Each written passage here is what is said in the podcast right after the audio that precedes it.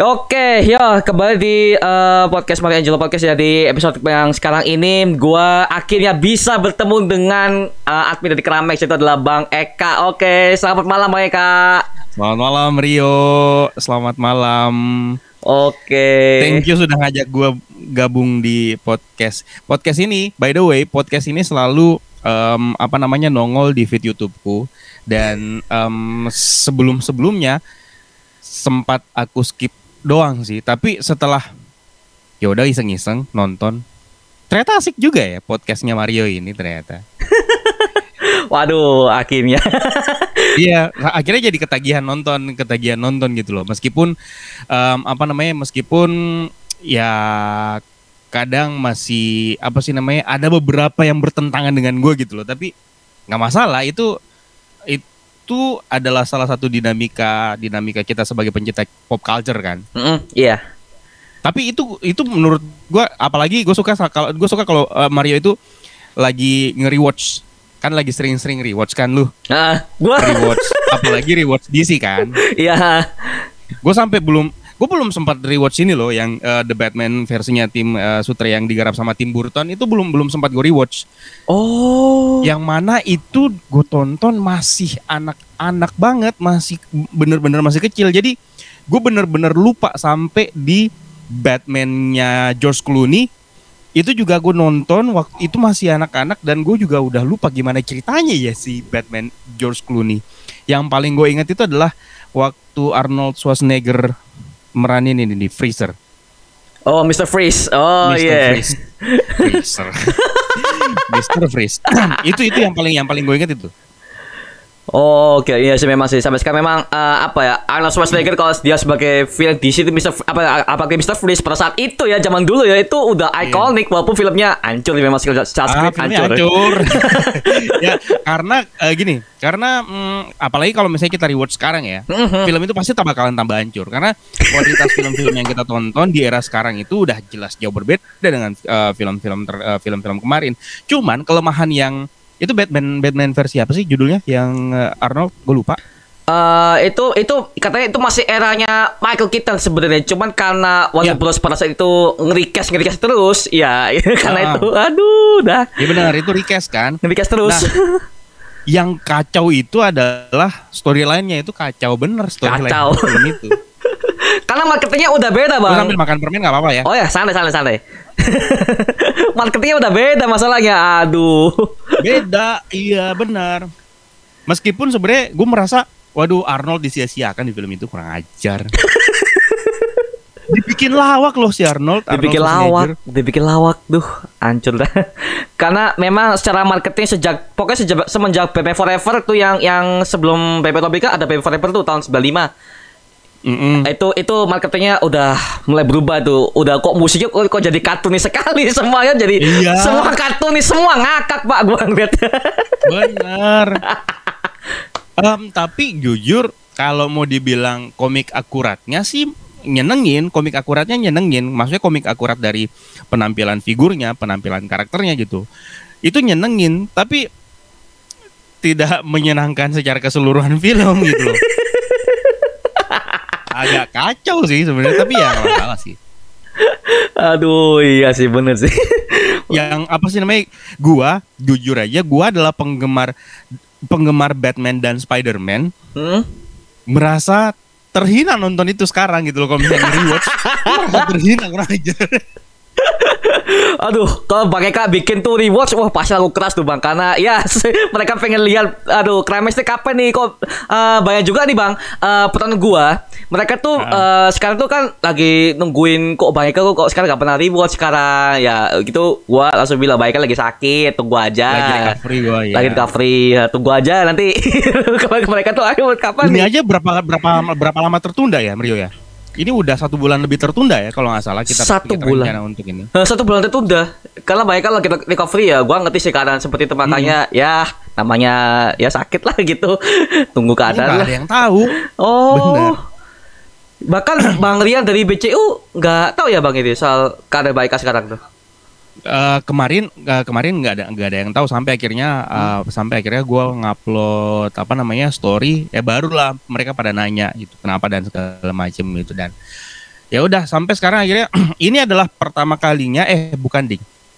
Ini adalah kedua kalinya aku ngobrol bisa ngobrol panjang sama orang. Dan akhirnya ini adalah mungkin bisa dibilang ini adalah penampilan pertama aku di eh, layar YouTube kalau misalnya ini udah diupload ya Mhm. ini adalah penampilan pertama aku lagi karena eh, pengen nyoba lagi untuk ngobrol lama jadi mohon maaf kalau misalnya kedengeran aku itu agak tersengal-sengal ketika ngomong karena memang yang menyerangku itu kemarin adalah di bagian sini di bagian pernapasan jadi aku tuh kayak Oh. kehabisan nafas gitu loh Oh, sesek ya? dan itu dia kenapa aku nggak belum bisa gue belum bisa bikin konten karena itu karena susah ngomongnya ngomong itu harus harus harus ngatur napas dulu lagi gitu Hmm, oke oke oke oke. Oh, makanya itu alasannya jadi ya, kenapa nggak upload konten ngomongnya agak susah ya pasti Benar. ini ya. Voice voice over agak ya. Oke oke. susah tag voice-nya voice over-nya itu lagi susah banget bener-bener bayangin satu halaman itu aku baru bisa selesaiin voice over-nya itu selama tiga jam satu halaman doang gitu loh Hmm. Saking susahnya. Makanya ini mungkin perdana perdana gue ngomong eh, bakalan panjang. Tapi ya mohon maaf kalau misalnya agak tersengal-sengal ya. Oke oke. Bang bang bang apa santai santai. Kita ngomong s- santuy aja. Ya kayak ngobrol biasa lah bang. Gitu sih. Yoi Oke. The Batman ya? Oke. The Batman ya? The Batman nih. Yang katanya nih ini katanya bang ini ada rumor nih katanya bahwa ini adalah tempat-tempatnya di DCU Earth 2 katanya. Jadi Earth 1 kan Batman Ben Affleck sama Superman Henry Cavill dari uh, Earth 2 DCU ini katanya si Batman Robert Pattinson katanya seperti itu itu nggak tahu ini rumor apa enggak ini gue nggak tahu nih. Katanya masih rumor ada yang bilang fakta atau rumor ada ada yang bilang Warner Bros bilang itu gue nggak tahu sampai sekarang. Itu bang Eka gimana nih sejauh ini gue merasa itu gak bukan merasa. Gue menganggap itu sebagai sebuah teori populer. Teori populer ya teori Mhm. yang memang diyakini oleh banyak orang. Karena mungkin bisa dibilang eh, Earth yang diambil di The Batman ini nantinya itu sebenarnya akan terjadi setelah eh, Barry Allen melakukan Flashpoint di filmnya The Flash nanti. Jadi ini mungkin memang bisa dibilang em, sebagai Earth baru yang dibangun. Jadi mungkin sudah bisa dibilang ini bukan lagi di CEU oh ini bakalan punya nama lain. Ini bakalan punya nama nama lain atau mungkin saja bakalan dijadiin sebagai the new G- the new DCEU. Sebenarnya kan nama DCU itu kan juga sebenarnya bukan menjadi tidak menjadi nama resmi yang bukan DC yang ngasih. itu kan sebenarnya fans yang ngasih. DC Extended Universe itu kan fans yang ngasih. Dan akhirnya diadaptasi lah dipakai lah oleh Disney kalau nggak salah ya. Ceritanya kayak gitu. Nama DCU ini. Dan awalnya DCU tidak akan diset sepanjang seperti Marvel Cinematic Universe kan? Iya yang digarap sama Zack Snyder. Hmm. makanya kalau misalnya kalau kalau misalnya banyak yang kembali mengingat bagaimana storyline yang dibuat oleh Zack Snyder untuk DCU itu palingan eh, performance puncaknya itu bakalan sampai Darkseid yang di Justice League 2 Darkseid Invasion kan? Paling paling cuma sampai di situ doang gitu loh dan udah selesai DCU sel- selesai sampai situ dan Hmm. itulah yang akhirnya sebenarnya DC dan Warner Bros mikir ya udah ini harus dikembangin masa MCU bisa bikin sepanjang itu kita nggak bisa Ah. perubahan Dirombakan. rencana. iya makanya makanya jangan jangan heran banyak yang pengen restore the Snyder verse karena memang cerita orisinilnya itu ada di otaknya Zack Snyder cuman sekarang udah dicampur adukan dan ya dengan makanya gue kesel nih. Gue kesel sebenarnya sama sama multiverse. Karena multiverse itu bisa menghalalkan segala cara. Termasuk di CU Hmm. Doctor Strange gue jujur jujur aja Doctor Strange yang kedua ini in the Hmm. multiverse of madness gue males banget nguliknya karena make konsep multiverse yang mana multiverse itu jorok banget. Lu bisa ngejorokin apa pun dalam sebuah storyline dengan menggunakan multiverse. Sampai lu mau nunggu eh, mau lu mau eh, nongolin apa namanya Mm, lu mau nongolin X-Men? Bisa. Lu mau nongolin semua yang dulu-dulu yang pernah dibuat? Bisa pakai multiverse. DC juga kayak gitu. Mereka mau kenonin semua yang sudah digarap sama di DC eh, CW eh, The Flash Arrowverse dan segala macam. Sekarang bisa dengan pak- dengan konsep multiverse gitu loh. Gue kesel banget sama sama multiverse ini. Jadi jadi bikin cerita itu jadi ini ya loh. Gue bukannya bingung ya. Cuman kesel aja karena bisa sejorok itu kalau de- kalau dengan konsep multiverse Oh. Oke, jadi mereka Iya kan? literally berarti cuman kan ini ya. untungnya DC Ya?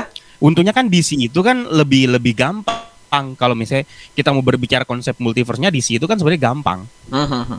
Penamaan Earth-nya pun juga gampang banget. Gampang banget DC memang. Earth 1 Earth 2 nggak kayak nggak kayak MCU. MCU yang 616, 1999, uh, Earth berapa lagi tuh yang Earth-nya Miles Morales itu susah banget untuk dihafal. Kalau DC itu gampang banget. Gampang DC, DC banget. Makanya, makanya gini bang. Pokoknya kalau gua tuh kalau bahas yang untuk DC Marvel ya di konek gua itu selalu kalau orang-orang yang ngomong, oh dasar fanboy DC. Kesel. Ya, emang emang faktanya gitu. Aduh. Kesel banget. Iya. Dan eh dan itu lagi satu tuh. DC itu kalau bicara tentang multiverse yang penyebabnya itu cuma satu. Flashpo- Flashpoint doang. Flashpoint doang. Nah, itu masalahnya. Nah, ini. Iya. Marvel itu bisa bisa bisa bisa segala macam hal, mulai dari goib-goibnya, belum lagi tek- teknologinya dan segala macam, belum lagi eh, dunia eh, eh, kosmiknya dan segala macam. Kalau di Flash ya, apa kalau di DC cuma Flashpoint doang. Flashpoint Udah doang. Itu aja. Iya, Flashpoint doang. Makanya kalau Marvel gue lihat ini gue lihat MCU pembentukan yang membuat ini multiverse jadi tuh ada banyak faktornya Loki, Spider-Man, banyak. Jadi Itu kalau di versi live action ya. ah, live action. Itu kalau versi live action. Hmm, hmm. itu pun juga sebenarnya masih belum masih belum ketahuan sebenarnya yang jadi yang bikinin multiverse ini sebenarnya siapa sih sebenarnya Iya. karena semuanya masih masih sebatas teori kan semuanya Ya. kita masih belum bisa kita masih belum bisa menentukan oh ya ini juga gue pengen gue pengen kasih sedikit eh, jawaban option dari pembahasan lu dengan siapa ya, ada dua orang kemarin yang lu bahas lu sempat bilang gini gue sebenarnya masih belum ngerti ending Loki itu seperti apa bahkan gue sudah non- nonton channelnya BCU dengan channelku itu Hmm. juga masih gue masih belum ngerti iya kan Pas itu, kan pas itu gue masih bingung, bingung banget coba. bingung kan? ini ke mana-mana nah, ini. terus lu dapet jawab lu dapet lu terus lu dapet jawaban eh, kalau apa namanya Loki akhirnya terdampar di TVA tapi itu adalah TVA alternatif kan Hmm, TV alternatif.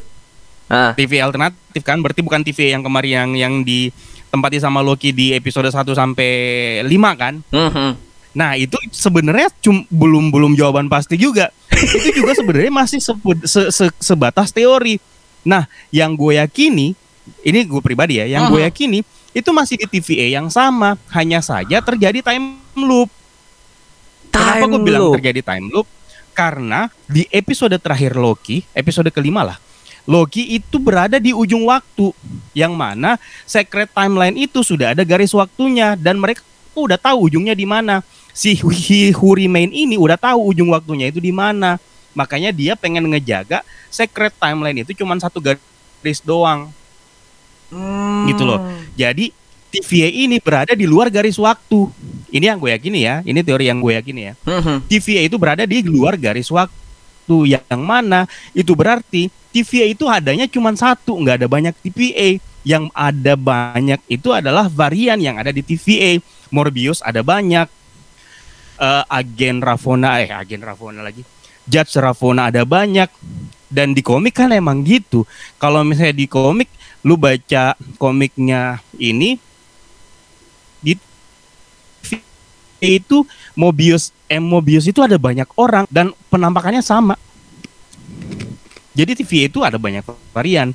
Cuman yang gue yakin adalah terjadi time loop.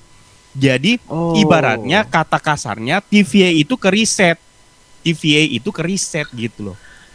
Nah, itu, itu, itu, itu ada apa? eh, dugaan pertama gua sebelum gua melihat ini adalah TV alternatif lain ya kata para Hmm. komunitas gua. Jadi, tapi ah, gua juga pertama ini, ini kayaknya angka ini diriset ulang setelah Kang mati. Ini yang bener yang mana? ya itu jadi Remain itu sudah bukan pemimpin TVA.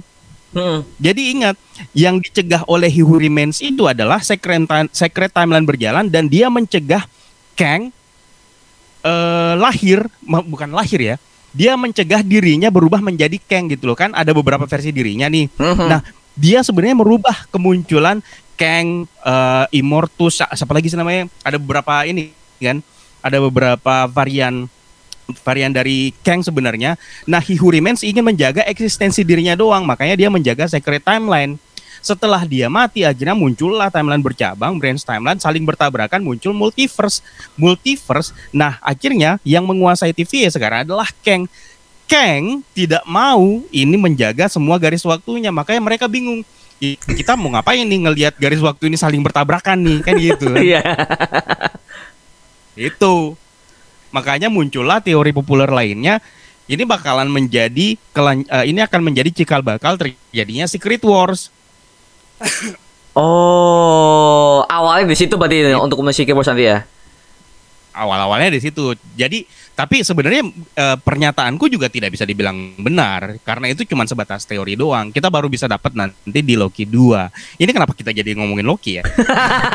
Gak apa, gak apa, gak apa. Salah-salah nih. Salah-salah topik ini. Kita kita mau ngomongin The Batman malah jadi Ih, ini ke Loki lagi.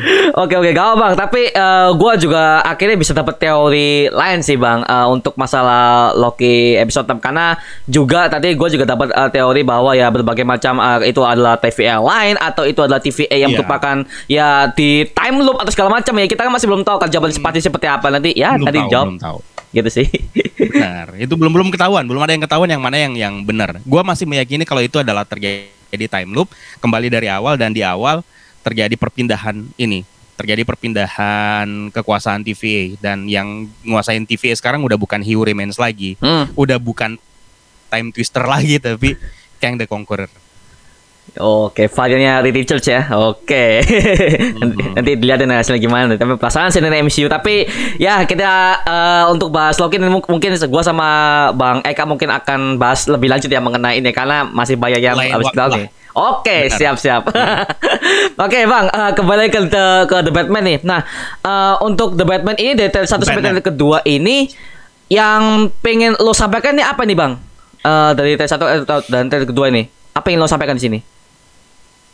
Dari trailernya ya? Iya, ha. Hmm. Trailernya ya? Iya, ha. Eh, kalau jujur aja ya, dari trailer The Batman yang sebe- bahkan sebelum syutingnya selesai pun kan eh, Matt Reeves berani mengeluarkan teaser Hmm. sebelum sebelum akhirnya pandemi eh, terjadi secara global dan membuat syutingnya malah jadi tertunda gitu kan. Hmm. Dari trailer pertama aja itu sudah sangat menjanjikan untukku sebagai penggemar penggemar Batman. Kenapa? Karena akhirnya gue bisa ngelihat sisi yang belum pernah aku lihat selama ini dalam diri Bruce Wayne dan dalam diri Edward Nigma. Ah. Jadi kalau Bruce Wayne mungkin kalau The Batman mungkin kita udah tahu ya kalau dia adalah sosok detektif salah satu detektif terhebat di dunia kan. hmm. Yap. Hanya saja em, apa namanya aspek dari Edward Nigma ini si The Riddler ini itu belum pernah kita dapat meskipun sudah pernah diperankan dengan bagus sama siapa namanya si komedian ini Si yang dulu komedian. tuh Yang mana nih? Yang komedian oh Arthur Fleck yang di Joker ya? Bukan bukan bukan bukan bukan. Sorry sorry. Maksudnya eh, ya eh, The Riddler ini kan udah pernah diperankan sama aktor lain. Gue lupa siapa namanya. Oh, eh, Jim Carrey, Jim Carrey dulu. Jim Carrey.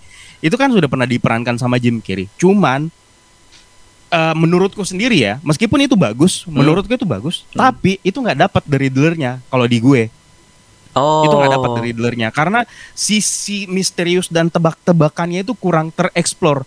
Nah ini hanya melalui trailer doang Edward Nigma itu bisa dibuat seperti itu sama Matt Reeves Oh, iya sih ya. dan pemilihan cast Paul Dano itu suka banget gue Oh, tapi banyak tahu ya Paul Dano sebelum dia main film The Batman ini udah pernah nonton filmnya Paul Dano belum? Karena gue belum tahu soal si Paul Dano ini aktif seperti apa gue belum tahu. beberapa filmnya Paul Dano yang gue nonton yang paling gue inget sebenarnya kan dan itu juga udah pernah gue rewatch adalah Hmm? Looper Oh, blooper. Yang ceritanya tentang time loop juga Oh, oh. itu pernah pernah main di situ Hah? dan memang Paul Dano adalah salah satu aktor yang berbakat untuk meranin karakter yang semisterius dan sedingin Edward Nigma Oh, menurutku ya oke. menurutku ya Mhm. itu adalah pemilihan cast yang sangat bagus kalau menurutku si Paul Dano ini memang salah satu aktor berbakat dan itu adalah pemilihan yang paling pas cuman yang kemarin sempat gue ragukan adalah Robert Pattinson-nya apakah bisa meranin Bruce Wayne Nah, ini ini karena dia. itu sudah sangat sangat melekat sangat melekat sisi sisi apa namanya sisi dia yang sebagai eh, Dracula gitu kan Oh, oke. Oh, iya. eh, Dracula sih vampir vampir Twilight ya. Dracula sih vampir Twilight itu kalau menurut eh, kalau di di gue itu udah melekat banget tapi melalui trailer kayaknya enggak sih kayaknya menjanjikan sih kayaknya Kayaknya ya, ya kayaknya sih. Karena Kayaknya. karena gini bang, eh, untuk masalah kayak yang gua permasalahkan sini di Batman ini adalah Bruce Wayne-nya ini kalau dia kalau dia kita kalau kita udah baca di komik, eh, kita kita udah tahu The Batman dari dulu kan kita udah tahu bahwa Bruce Wayne kalau di publik kan dia kan punya dua karakter. Yang pertama Bruce Wayne yang sangat miliarder banget dan dia sombong, dia banyak banget Iya. cewek segala macam lah, pamer kekayaannya. Tapi di sini tuh kayak dia kayak apa ya? dia tuh kayak orang yang benar-benar misterius banget dan dia tuh benar-benar nunjukin sifat aslinya. Apa nggak ketahuan tuh dia adalah Batman gitu loh. Jadi kepolisian tuh bakal tahu. Oh ini nih, nih Batman nih. Jadi gua melihat apa nggak ketahuan tuh. Semua sifat dingin itu ada. Gitu yang gue lihat Benar, sih. dualisme yang menarik makanya makanya gue termasuk makanya punya dolakan banget The Batman eh, si Batman ini karena dualisme itu dia tadi Bruce Hmm. Wayne adalah Bruce Wayne sendiri Batman adalah Batman sendiri Mm-mm. yang mana itu bisa mengelabui orang-orang gitu kan bahkan termasuk kepolisian Hmm. cuman em, karena itu sebenarnya masih terhitung wajar untukku karena ini akan ini akan mengadaptasi Batman Year One kalau nggak salah ini adalah tahun pertamanya Bruce Wayne menjadi Batman gitu kan dan eh, meskipun sudah ada konfirmasi bahwa ini bukan film origin jadi mungkin bisa dibilang ini akan menjadi salah satu film Batman yang mengawali sebuah trilogi baru tapi tanpa origin yang mana Zack Snyder pernah melakukan originnya yang memperlihatkan kematian eh, Thomas dengan Martha terus em, The Batman Begins juga kan memperlihatkan kejadian itu itu di yang mana itu adalah origin dari ini kan origin dari The Batman kan Iya. Cuma di film ini kayaknya tidak akan ada tidak akan ada origin itu. Hanya saja mungkin yang yang aku percaya ada sebuah teori yang aku percaya film ini Hmm? nama The Batman itu baru tercetus gitu loh. Belum sebenarnya belum ada Batman. Makanya di trailer ketika Bruce Wayne meskipun dengan kostum Batman-nya dia sempat menyebut dirinya I am vengeance. Oh iya iya iya. balas dendam kan I am vengeance logonya pun kalau mau kita lihat itu kan logo pistol yang digabung kan Iya itu pistol. sepertinya belum ada belum ada belum ada ininya belum ada apanya namanya tuh Call-nya, call-nya nih. Heeh, belum ada call-nya di logo dadanya masih masih sekedar Oh. berbentuk sayap dan itu kayak kayak berbentuk V doang gitu loh Hmm. makanya wajar kalau dia menamakan dirinya mungkin yang dia pertama kali menamakan dirinya sebagai vengeance belum Oh. Batman nama Batman itu belum tercetus gitu loh Hmm, bisa jadi Dan sih. itulah mungkin kenapa Mario menduga kalau kayaknya tidak akan ada dualitas antara Bruce Wayne dan Batman di sini. Oh, oke oke oke oke. Gitu loh. Jadi masih dia masih masih orang yang masih awam dan dia masih merupakan vigilante yang ini, Baru ya. vigilante yang baru gitu kan. Masih baru. Yang penuh dengan amarah, yang penuh dengan amarah. Cuman mudah-mudahan mudah-mudahan nih kalau menurut gua eh, harapan gua mudah-mudahan Matt Reeves menerapkan salah satu konsep yang mungkin selama ini dilupakan eh, oleh Zack Snyder yaitu no killing rule-nya Batman. Ah Batman iya. itu kan nggak pernah membunuh, Gak pernah bunuh. dia nggak pernah membunuh musuhnya. Gitu. Zack Snyder melupakan itu. Zack Snyder memperlihatkan Bruce Wayne yang ngebunuh bahkan dengan dengan gampangnya menggunakan senjata dengan apa menggunakan senapan pistol yang mana Batman sebenarnya anti sama senjata itu kan? Ah, iya sih sebenarnya anti. Karena gini Baika mungkin Baika eh, untuk masalah Zack Snyder mungkin dari story yang digarap oleh Zack Snyder itu kan Batman-nya kan dia kan udah mengalami trauma dia kan udah kehilangan Robin Dick Grayson udah mati. Jadi benar dia udah trauma ya ya udahlah gua bunuh aja semua lah daripada gua dia. Nah ya ini benar. udah nggak berhasil ya udah gua bunuh semua lah percuma. Benar itu itu pembe- pembelaan gue juga sebenarnya. Karena Hmm. cuman sayang kita nggak dikasih lihat tuh. Ya. Dick Grayson kita kita kita nggak dikasih lihat Dick Grayson mati. Itu cuma masalahnya sekedar dikasih twist doang cuma di, dijadiin easter egg gitu loh. Cuma dijadiin easter egg kematian Dick Grayson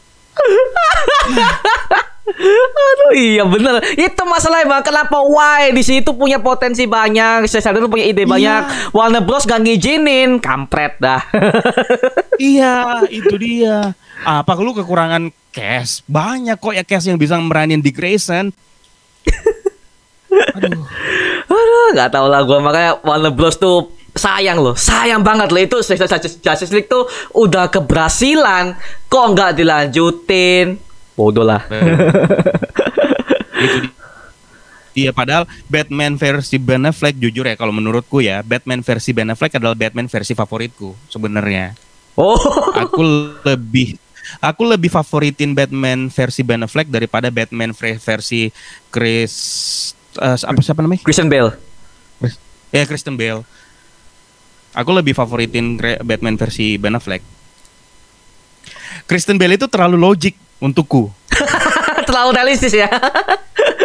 terlalu realistis gitu. Sementara ini adalah komik. iya sih. makanya makanya kalau kalau kalian mau mela- menga- mel- melanjutkan memilih untuk melanjutkan universe-nya the trilogi uh, Christopher Nolan itu tidak akan ada Aquaman di situ tidak akan ada Superman di situ karena itu sudah tidak logis mereka itu tidak logis iya sih ya. Apa gayanya iya Christopher Nolan tuh memang begitu bang dari sebab itu dia tuh kalau dia tuh bi- bikin film terlalu Iya, realistis makanya. Christopher Nolan tuh terlalu detail terlalu realistis iya sampai-sampai ini loh bang. Lo masih kan gak ada Nah, yang, ya. yang dulu Batman Christian bilang dulu kan dia kan kalau buat kostum kan di ditunjukin. Oh kita beli di perusahaan mana? Kita acak deh biar para, para orang ini nggak tahu kita beli di perusahaan mana. Itu itu sampai ditunjukin loh. Hal yang sekecil itu ditunjukin bang. Sampai ditunjukin. Benar gue bahkan se- se- sebelum ini ya gue bahkan nggak pernah kebayang gimana sih caranya itu si apa namanya bagian jubahnya itu bisa keras dan dia bisa bikin dia melayang? Di ditunjukin The Dark Knight itu dijelasin loh dan itu Dijelasin. make sense masuk akal penjelasannya. Kurang ajar ini Christopher Nolan. Iya. Sejelas itu. Sejelas itu makanya makanya gini bang. Eh, kan kan banyak juga berteori nah gue gue yang lihat banyak bilang oh bang oh Wayne Enterprise sama Stark Industries lebih lebih les mana ya? Gue gue jawab Wayne Enterprises. Karena secara pembentukan untuk senjata Batman sama segala macam Iya. kostum itu semua ditunjukin bahannya apa terbuat dari apa dari company mana. Seperti jelas kalau kalau Stark Industries kan dia kan semuanya dari ya, oleh dari otak Tony Stark sendiri kan. Semua semua dijelasin gitu sih yang gue tangkap sih gitu sih. Benar. Pokoknya realistis. Wayne Enterprise itu lebih realistis dan lebih lebih lebih lebih layak untuk diterima sebenarnya kalau menurut gue. Aduh iya sih bener sih. Oke oke oke siap siap. Eh bas bahkan bisa bangkrut loh. Oh iya bisa bangkrut? Apa itu ya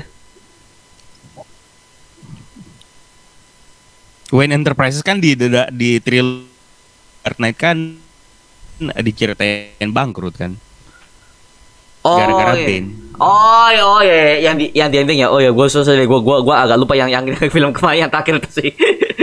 agak lupa sih storyline-nya. Oh iya sih, ya, agak apa udah mulai bangkrut ya. Iya sih, bener bener bener bener bener bener. itu kan di itu kan Hmm? sampai akhirnya ya Bruce Wayne Hmm, oke oke oke oke oke oke. Iya sih.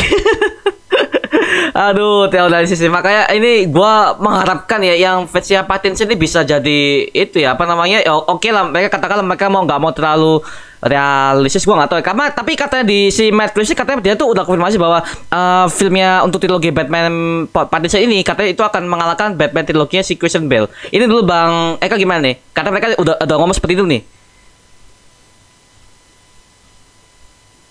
Eh gue optimis. Gue optimis bisa bisa bakalan bisa ngalahin em, Kristen Bell kenapa? Karena Matt, yang pertama Matt Reeves sudah punya bekal. Dia adalah salah satu sutradara yang berbakat juga. Yang kedua Matt Reeves sudah punya portofolio sebelumnya. Maksudnya dia punya goals yang cukup jelas. Dia pengen ngehin The Dark Knight. Jadi dia harus harusnya udah tahu yang yang harus dia kalahin itu dari sisi siapanya. The Dark Knight udah punya jadi kayak ibarat The Dark Knight itu udah kayak eh, apa namanya apa sih namanya patokan gitu loh. Film film The Batman yang bagus itu film Batman yang bagus itu adalah lu lihat Christopher Nolan cara menggaramnya. Jadi dia udah punya patronnya Reeves itu udah punya polanya. Nah dia harus menggebrak pola itu. Kalau Reeves menyatakan bahwa film trilogi The Batman-nya nanti ini akan mengalahkan Christopher Nolan gue jujur optimis itu bisa terjadi. Karena Reeves mungkin sudah tahu apa yang akan dia lakukan gitu loh. Ditambah lagi dengan arc yang akan dia angkat yang akan dia adaptasi di filmnya itu adalah arc yang selama ini jujur aja gua belum baca semuanya. Gua belum baca The Long Halloween yang mana sebenarnya sudah beberapa kali diangkat tapi ada beberapa sisi dari The Long Halloween yang eh, belum pernah diadaptasi di layar lebar. Belum lagi eh apa, namanya? Eh, belum ada yang pernah mengangkat sisi detektif dari Bruce Wayne dari the Bat- dari Batman. Matt Reeves berani mengangkat itu. Itulah yang salah satu hal yang mungkin menjanjikan sebagai awal mula atau kickstart dari tri- trilogi The Batman ini kalau menurut gue ya. Makanya gue bilang kayaknya gue sih gue juga sama optimis ya dengan Reeves ini bakalan menjadi salah satu film eh ini akan bisa mengalahkan eh, Christopher Nolan kayaknya nih. Belum lagi kalau misalnya dilihat dari visual grafisnya, visual visual eh, secara visual ya. Ini menjanjikan banget. Sinematografinya hanya lewat trailer ketika mobilnya The Penguin kebalik, terus Batman diperlihatkan itu sedang berjalan tapi dengan kamera angle kebalik. Itu kayak kita ngelihat kelelawar berjalan mendekati si penguin sampai kepikiran ke situ gua. Maksudnya sampai si Matrix itu ngerti banget ngerti banget sinematografi yang bagus diterapkan untuk The Batman kayak gini loh. Oh iya iya iya. Oh ya yang ada yang terakhir tuh. ya. Oh iya sih itu itu itu parah sih itu sih. iya sih Ya benar nggak sih? benar. Kepikiran gak sih? Gua sama sama sama. iya sih bener bener bener bener. Waduh, waduh, waduh. Tapi gini, eh Bang Eka, eh Matt Reeves ini kan juga pernah kalau dia oke kalau Bang Eka mau kan kan kan ngomongnya secara portofolio dia udah punya. Memang eh, karena Matt Reeves ini dulunya zaman dulu dia tuh udah pernah bikin film animasi Batman. Dia udah pernah bikin film animasi Batman. Jadi eh gua juga nggak nggak ragu sih dia tuh udah pernah bikin Batman kok. Dia di- juga live action dia tinggal tekan aja tuh semuanya tuh. gitu sih. Yang gua lihat si Matt Reeves ini sih. Benar, benar. Dia kayak ibaratnya dia udah tahu dia udah tahu nyawanya Batman itu mau dibikin gimana gitu loh. Hmm, bener bener bener bener. Udah udah udah bukan bukan bukan saudara yang nggak tahu nggak tahu nggak wah, beda lagi ya kalau saudara yang apa ya saudara yang belum punya portofolio mengenai apalagi soal BC ya mereka pasti ya research dulu terus eh, bikin Ah. konsep bagaimana takutnya nge ngecewain fans atau enggak ah itu kan itu kan kalau saudara yang benar baru yang belum punya portofolio ya tapi kalau Reeves ini ya kita udah Benar, percayakan aja lah dia sama dia lah gitu Bener. Nah, yang gue suka, yang gue suka baru sebatas baru sebatas trailer dan official clip doang. Ini sudah ada beberapa eh, kontinuitas yang menjanjikan dari The Batman ini. Jadi meskipun ini adalah sebuah trilogi, tapi kayaknya sudah ada beberapa planting-planting yang planting-planting secara rahasia dan misterius yang ditanam sama si Matt Reeves ini. Misalnya em, sosok misterius yang ada di foto yang banyak menteorikan kalau itu adalah Joker. itu kan sebuah planting kecil, Aha. ya kan? Belum lagi em, eh, siapa namanya? Eh, Court of Owls. oh kota Belum Owls, lagi Iya, Court of Owls. Belum lagi em, kalau gue bilang sih mungkin ini bukan akhir dari arc The Riddler nantinya mungkin ini bakalan cikal bakal Edward Nigma jadi Hush sama seperti di arc eh, Hush kan mm, siapa yang tahu Oh iya, iya, dari Maybe. dari animasinya ya. Oke oke oke oke oke. Belum lagi The Penguin ini mau mau dibikin gimana? Ah, yang bikin gue takjub adalah The Penguin. Bisa bisanya siapa sih nama aktornya? Colin Farrell, Colin Farrell yang main. Colin Farrell bisa dibikin seperti itu. Gue nggak nyangka kalau itu Colin Farrell. Sama. gua lihat gua Colin Farrell, kalau Colin Farrell gini, eh, kalau Bang Eka sempat nonton Fantastic Beasts, itu kan Colin Farrell kan main di situ kan. Iya. Dia kan jadi villain sama. Di kok sekarang di Iya. Batman kok jadi gini? Beda. Dan itu gue nggak gue nggak tahu kalau itu Colin Colin Farrell. Dan itu adalah salah satu sisi keberhasilan Matt Reeves. Menyulap Colin Farrell menjadi Oswald Cobblepot yang jujur gue nggak kenalin gitu loh. itu Colin Farrell. Aduh, sumpah pengen ngomong go ngomong kotor gue gara-gara itu. Ajar lo Matt Reeves. tim make upnya terlalu wah berhasil sih tim make upnya sih gua Iya, berhasil. berhasil berhasil wah niat sih berarti ini sih niat banget, niat banget. Waduh, The Penguinnya, aduh, itu dapet banget sih. Oh iya iya, iya. secara muka berubah, muka berubah. Jadi itu bukan Colin yang gue lihat ini bukan Colin nih, bukan nih.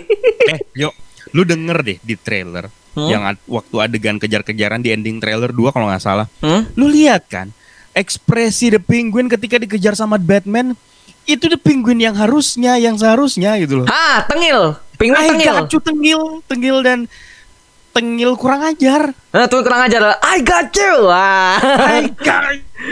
Itu keren banget. Wah, keren, keren, keren, keren, keren. Sama ini bang, eh, kalau notice ada adegan si penguin, wow, take it easy, sweetheart. Itu kan udah, udah, Oh, iya. ngejek banget banget. Dia, dia yang berani loh penguin tuh, bos mafia ya, Bener. bos mafia.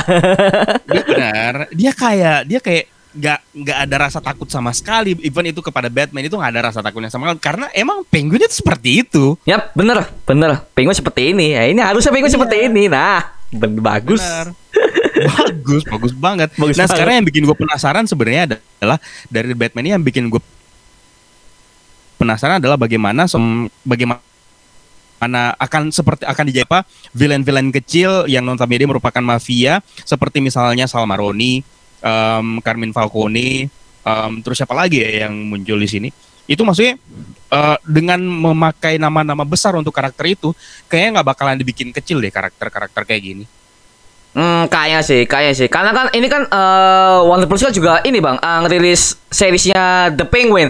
Mau dibuat series original nih, series origins.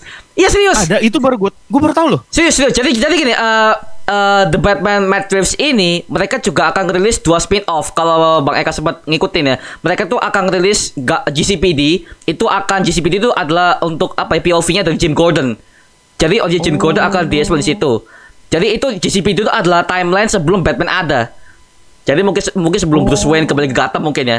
Dan Ah, ah, ah. Uh, The Penguin ini ini akan menceritakan kisah originnya The Penguin Colin Farrell seperti apa dari awal itu adalah bukan apa-apa dia hanya hanya babunya si Falcon doang dan di end Iya. dia akan jadi bos mafia di situ jadi itu akan diceritakan lebih lanjut ke seriesnya nanti series HBO Max Wah. dua spin off Ah serius itu? Itu sudah itu sudah fix. serius serius cari aja cari aja serius serius serius, jadi itu tadi umumnya di DC Fandom kemarin bang The Penguin sama GCPD itu mereka mereka lagi di development jadi untuk Oh, memperluas universe Matrix seperti itu Batman Batman doang loh Batman doang loh Ah, ini iya, iya. gitu sih gitu sih bang Tapi tapi itu itu memang eh eh, akhirnya akhirnya ada satu keputusan Warner Bros yang gue setujui. Karena memang begini, The Batman itu adalah salah satu franchise yang kalau mau dikembangkan itu bakalan sama seperti Spider-Man sebenarnya. Hmm. Spider-Man kalau lu mau lepas sendiri dari Marvel, itu bisa dikembangkan menjadi satu universe sendiri yang meskipun Marvel nggak punya, Spider-Man bisa bisa naik. Nah itu masalahnya bang. Sorry sorry. Eh, Gue mau, gue mau nyinggung soal Marvel nih. Sorry nih. Gue mau nyinggung soal, apa, soal Marvel nih. Gue lebih setuju Spider-Man Tom Holland Itu keluar dari MCU pak. Gue lebih setuju Pak. Kenapa Gue liat storynya dia tuh Fun-fun semua. Gak ada struggle ini apa ini? Gue gak merasa struggle Spider-Man Emang. pak. Sorry pak. Gue ngomong gini ya Karena Gue ngomong gini tuh Iya. selalu ditekan para fans. Oh dasar fanboy DC Selalu. Emang. Tapi memang memang kenyataan seperti itu yuk. Jadi makanya kembali lagi gue balikin lagi ke DC ya. The Batman itu bisa dibikin seperti Spider-Man-nya Marvel. Mm-mm, The bener. Batman itu punya banyak universe, punya banyak hal yang bisa diangkat untuk lu misalnya lu mau jadiin series, lu mau jadiin eh, apa namanya spin-off dan segala macam terserah lu. Tapi itu emang itu memang harusnya bisa dibikin kalau untuk seseorang karakter Batman aja. Dulu kan udah pernah ada tuh spin-off dari The Bat, eh, dari Batman, Catwoman, meskipun gak meskipun gagal ya. Tapi paling tidak itu sebuah peluang yang bisa dilihat gitu loh. Bukan cuman Catwoman doang yang bisa diangkat.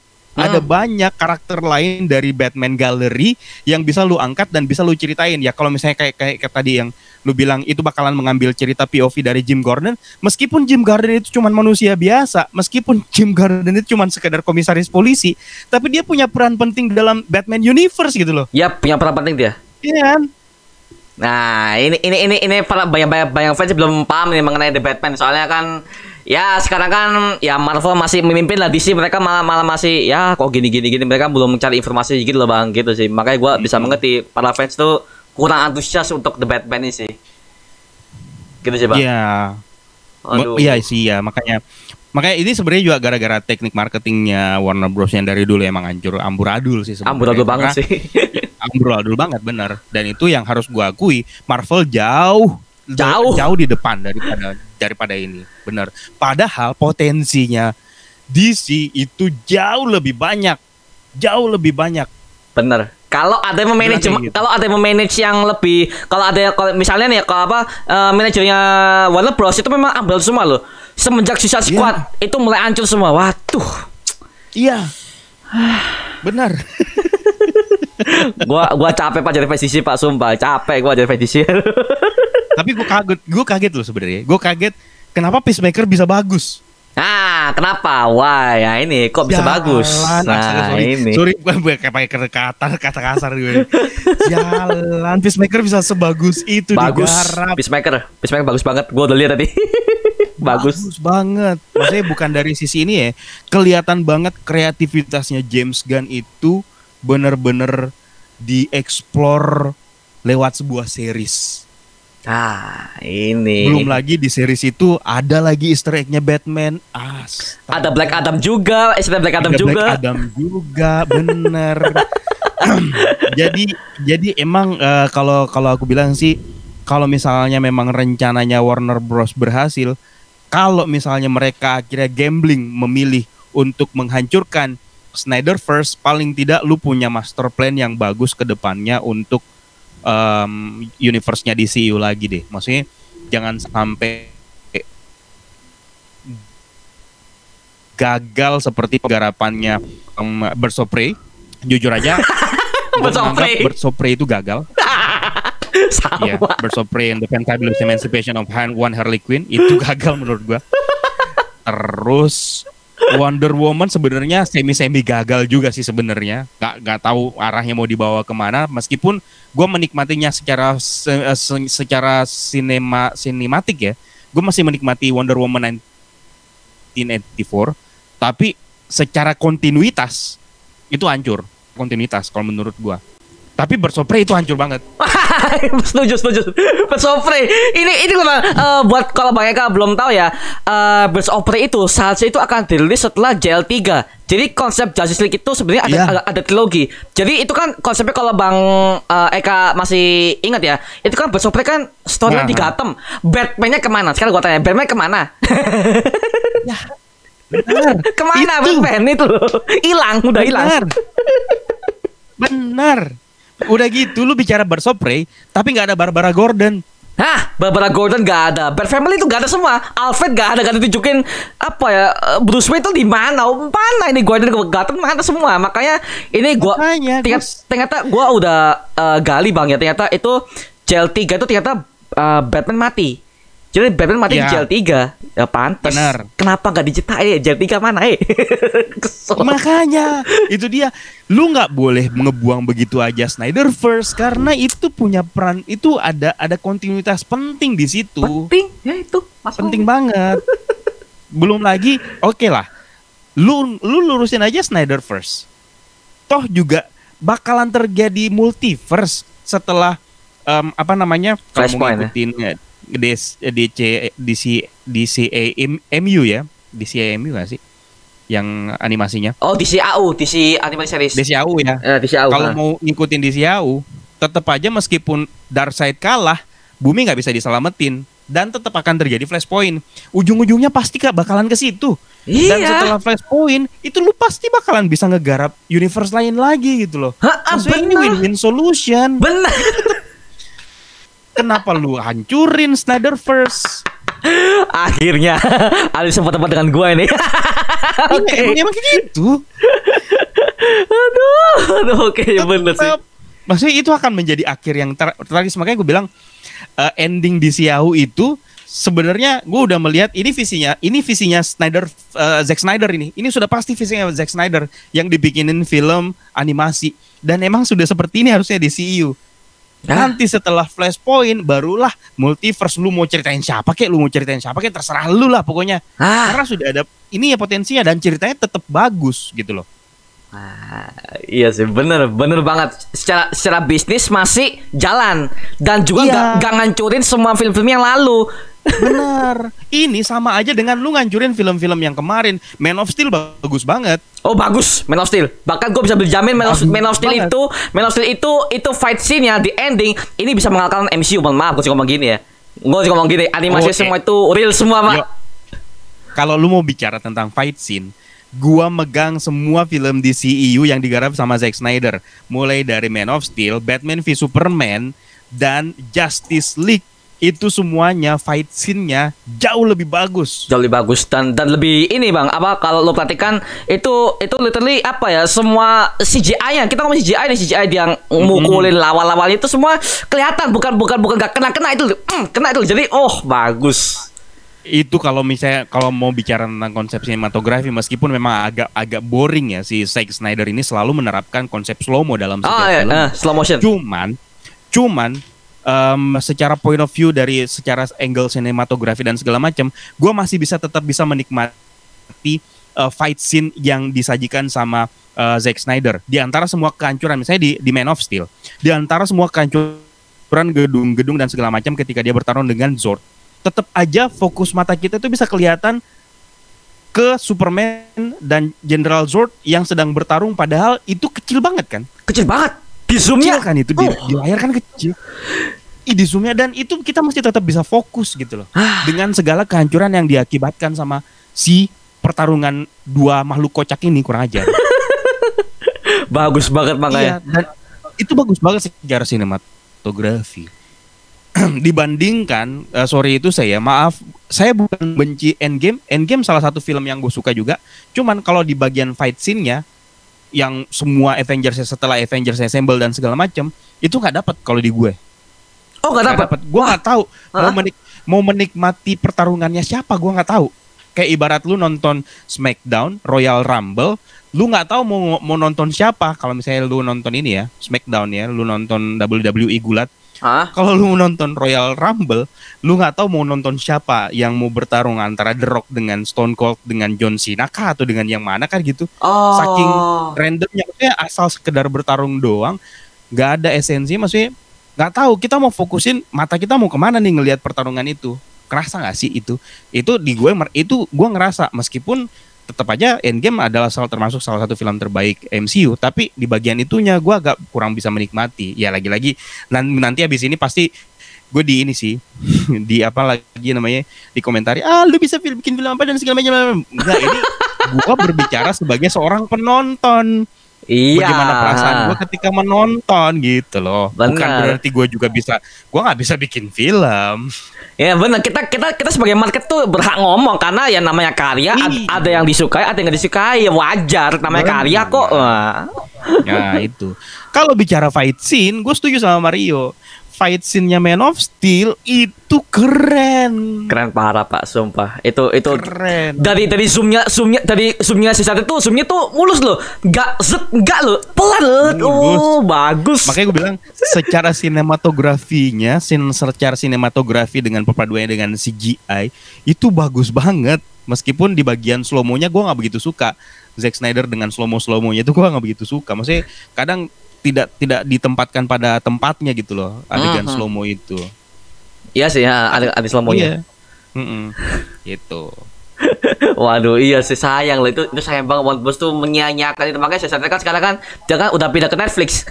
udah nggak ada Iya, film Netflix di- sekarang. Udah dikontrak sama Netflix kan Zack Snyder. Eh malah ada kabar lagi di ada Zack Snyder bakalan dikontrak sama Kevin Feige untuk gegara fase 5 MCU. Oh iya, fase 5 MCU ya. Mampus dah. Iya. Duit duit dah. Mampus tuh, mampus gak tuh panas gak tuh Warner Bros tuh kalau emang kejadian. Iya sih benar-benar. Makanya kalau fase 5 MCU, gua mengenalkan Zack Snyder kan Snyder kan kalau eh, banyak yang ngikutin eh, film-film Snyder kan sebelum DC kan dia kan udah buat film-film yang dark memang ciri kan seperti itu kayak 300 Emang. dan kan itu dark Iya. banget Pak itu. Benar, banyak banyak film-filmnya Zack Snyder yang dark. Salah satu yang gue suka adalah Sucker Punch. Oh, Sucker Punch. Oh, nonton juga. Oh, oke. Nonton. Kayak gue banget gue sama film itu. bagus banget Sucker Punch. Meskipun agak agak bingungin ya. Ah, agak-agak sedikit bingung sih. Tapi gua bisa merasakan itu film kan cewek-cewek kan ya, warrior cewek. Tapi gua nggak Iya. merasakan SJW banget. Gak merasakan SJW. Biasanya film cewek itu SJW-nya minta ampun. Hmm. Enggak, tapi itu bagus. Setelah itu bagus film. Dan dan itu film-film salah satu film mind blowing dan endingnya itu multi persepsi. Siapa sih? Sama Ah, sih sama seperti ketika lu nonton sama seperti ketika lu nonton Shutter Island Leonardo DiCaprio. Waduh. Itu kan multi persepsi juga. Oh, belum nonton Pak. Aduh, belum nonton tuh gue itu. multi, multi persepsi. Lu lu mau lu, lu mau milih endingnya ini bagaimana nih? Ya itu terserah lu. Kayak gitu. Ah, Nah, justru itu Pak. Gak usah jauh-jauh Pak. Joker. Joker 2019. Joker Phoenix. Bener, bener. Bener, bener. Hah? Joker itu juga multi multi, multi persepsi. Multi persepsi. Endingnya lu bisa tentuin sendiri. itu halu atau Tentu sendiri gimana? endingnya gimana? iya benar benar benar. Aduh, gue jadi pengen rewatch gara-gara lu bilang Joker. Loh, lu Ba- Ba- Bang Eka kan belum bikin rewatch Joker nih? Belum bikin ya? Belum belum belum. Gua ber- belum pernah nonton, belum pernah rewatch filmnya Joker karena sayang biarin aja lewat, biarin aja dulu lewat lah. Oh. Karena banyak orang yang banyak orang yang menikmati filmnya hanya secara film dan secara cerita padahal sebenarnya banyak meaning di balik dari film itu gitu loh. Termasuk salah satu film yang kalau misalnya gue pengen rewatch itu bakalan makan waktu yang banyak.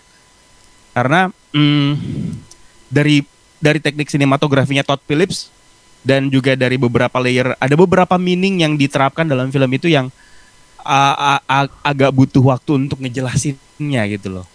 Oh, oke oke oke oke. Kalau kalau Apalagi Ya? bagaimana membandingkan halunya dengan kenyataannya itu gimana? itu udah banyak yang bikin Pak masalah halunya atau itu real atau halu itu udah banyak yang bikin Pak itu. Bener. Itu kalau misalnya diceritain, yang makanya eh, amazingnya film itu, kalau diceritain itu emang bisa nyambung satu storyline, maksudnya satu plotline. Cuman kalau mau dibedah lagi, sebenarnya ini nggak nyambung juga karena ada ada yang halu di situ. Nah,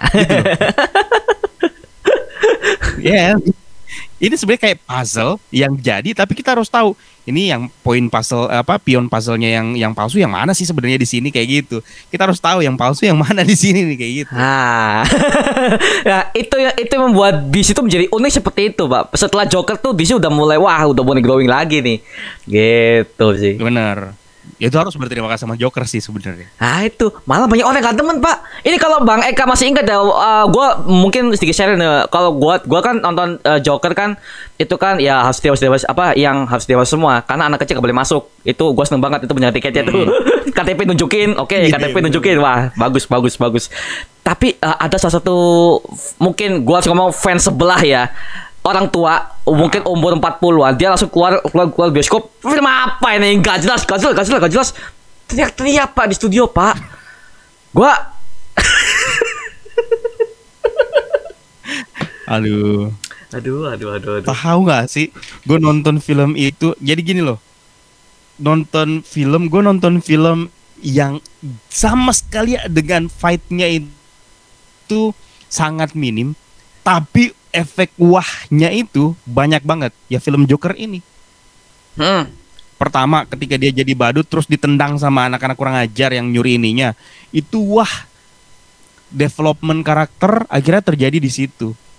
Belum lagi dari sinematografinya, dia naik tangga aja, gua yang ngos-ngosan itu nyampe, maksudnya nyampe kayak nyampe bagaimana Nyampe. beratnya beban hidup seorang Arthur Fleck, nyampe banget pak semua semua nyampe nyampe. Nyampe banget itu Nah, itu gua yang nangis plot pak twist yang orang orang banyak orang banyak protes. Kenapa gua anggap itu plot twist? Ketika Arthur Fleck itu nembak si Mary Hah? itu gua anggap sebagai plot twist karena gak pernah kebayang sama sekali di otak gue dia bakalan nembak orang di depan kamera ah saking mem- saking mempermainkan otaknya film itu gitu loh mungkin otak yang mungkin yang punya otak apa namanya mungkin yang kepikiran sampai ke situ mungkin otaknya mungkin kriminal ya. Sorry itu saya maksudnya bukan bermaksud menuduh. Cuman gua nggak sampai kepikiran ke situ bakalan dia bakalan nembak dia paling bakalan bunuh diri kalau menurut gue ya.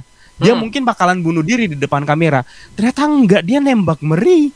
Dan itu adalah salah satu meskipun itu cuman sekedar adegan scene nembak dan itu agak agak sedikit em, kejam tapi itu sudah lebih wah dibandingkan dengan adegan pertarungan-pertarungan yang disajikan oleh oleh beberapa film yang nggak perlu disebutin deh. Iya Ya, sih. sih yang Haha. yang nggak disangka gitu loh yang nggak disangka. disangka. apalagi pada saat Arthur Fleck Arthur Fleck eh, yang berlumuran darah terus dia bikin senyum ini dengan darahnya itu berinding gue. Merinding sama. Musiknya sih pak. Musiknya yang ada di sebenarnya kalau Iya. film tuh musik musik tuh utama il. Musiknya dukung banget wah bagus bener bego ini top Todd Phillips bego nih. Makanya masuk Oscar. Nah, masuk Oscar. Makanya. Ini baru Oscar worthy. dia. Karena gini Bang. Eka, karena gini Bang Eka, banyak banget uh, tuh ngomong kenapa MCU tuh gak masuk Oscar. Nah, gue juga jelaskin di video beberapa video apa gue udah bikin video bahwa MCU kenapa gak bikin Oscar, kenapa kenapa gak masuk Oscar? Karena MCU tuh bukan film yang serius, MCU tuh film hiburan. Film hiburan. Ya. Jadi yang masuk Oscar tuh yang Oscar tuh ya oke lah kalau lu, lu kalau nonton film Oscar lo filmnya ceritanya berat-berat loh. Kalau film Oscar tuh Oh, Oscar Boy itu ceritanya berat-berat dari MCU Gue gak ngerasain cerita berat-berat ya itu film hiburan Bagus tapi hiburan ah. Benar. Itu pun sebenarnya Black Panther bisa masuk nominasi best best best feature film. Best Picture, ha, Best Itu Picture masuk deh. Sebenarnya itu juga kontroversi. Kontroversi makanya gua kok kok kok, Itu sebenarnya juga kontrover- kontroversi. Kok bisa masuk sih Black Panther? makanya itu. Tapi kalau dilihat tapi kalau dilihat dari ini sih emang ada beberapa poin sih yang bisa bisa bisa di bisa dibilang bisa diwajarkan kalau Black Panther bisa masuk nominasi. Meskipun pada akhirnya emang nggak menang kan. Gak menang, gak Malah menang. Green, Green Book yang menang kan. Book yang menang. Masuk nominasi tapi dia. Iya. Masih nominasi itu dia salah satu pencapaian hebat ya Hmm. karena dia masuk nominasi. Gitu. Nah, gitu. Udah, udah jawab ya. Udah jawab ya kenapa MCU nggak masuk Oscar. Nah, ini jawabannya nih. Bang Eka sendiri yang ngomong nih. iya. Oh, Makanya gue gue setuju gue setuju itu. Jadi memang jangan ber, jangan nggak perlu berharap kalau uh, seluruh film MCU itu adalah Oscar worthy. Uh, ada sih sebenarnya Oscar worthy, cuman nggak cukup untuk bisa dikatakan sebagai sebuah film os, uh, sebuah film um, Oscar untuk nominasi yang ini ya, Hmm. nominasi yang bergengsi ya. Kalau untuk nominasi-nominasi seperti misalnya best visual, best apa sih namanya, uh, best yang lainnya mungkin bisa masuk. Tapi kalau untuk yang kategori-kategori bergengsi, mungkin masih agak sulit MCU untuk bersaing dengan beberapa film-film yang memang digarap untuk film Oscar gitu loh. Karena tujuannya emang hiburan. Hmm, tujuannya hiburan. Coba kalau MCU beras- berani bikin film yang 17 plus Nah, kayak Eternals kemarin. Ah, itu Eternals tuh kalau menurut gue ya, itu menurut gue Eternals itu secara konsep gue ngerti arah saudaranya itu arah arah konsep sebenarnya gue ngerti sebenarnya. Cuman ya itu tadi ada ada beberapa yang di-cut di Indonesia. Itu kan saja rated. Di sini bijetetin, Pak. Sorry. Bener. Nah, sorry kalau gue bilang Zhao kalau gue bilang Zhao sebenarnya bisa bikin film yang jauh lebih bagus daripada Eternals yang kemarin. Cuman agak tanggung gitu loh. Dikasih film yang sebenarnya ratingnya itu 20 tahun ke atas, Mm-mm. Tapi mungkin ditahan-tahan sama pihak Marvel Studios mungkin ya menurutku ya mungkin Hmm. ditahan-tahan karena Hmm. tetap potensi market yang harus lu dapat, yang harus lu raih adalah potensi market kebiasaan mereka yaitu 13 plus PG-13. Nah, Sementara adegan 20 plus itu kan yang kayak em, siapa namanya antara Ikaris dengan Cersei eh, Cersei terus antara Fastos. Fastos gay. Fastos dengan suaminya Hah? itu adalah adegan 20 plus tapi menurutku ada lebih banyak lagi kreativitas yang bisa ditanamkan oleh Chloe Zhao selain kreativitas yang seperti itu sama seperti yang diterapkan sama James Gunn James Gunn Ah. ketika dikasih film rated R itu benar-benar dieksploitasi habis-habisan. Nah, lihat aja di bener. The Suicide Squad. Eh. lihat aja di Peacemaker. Sung, uh, ngeri pak. Otak-otak Benar-benar darah-darah Blur blur blur Tunjukin semua. Oh darah-darah Sep sep sep. Hmm, Kepala putus segala macam.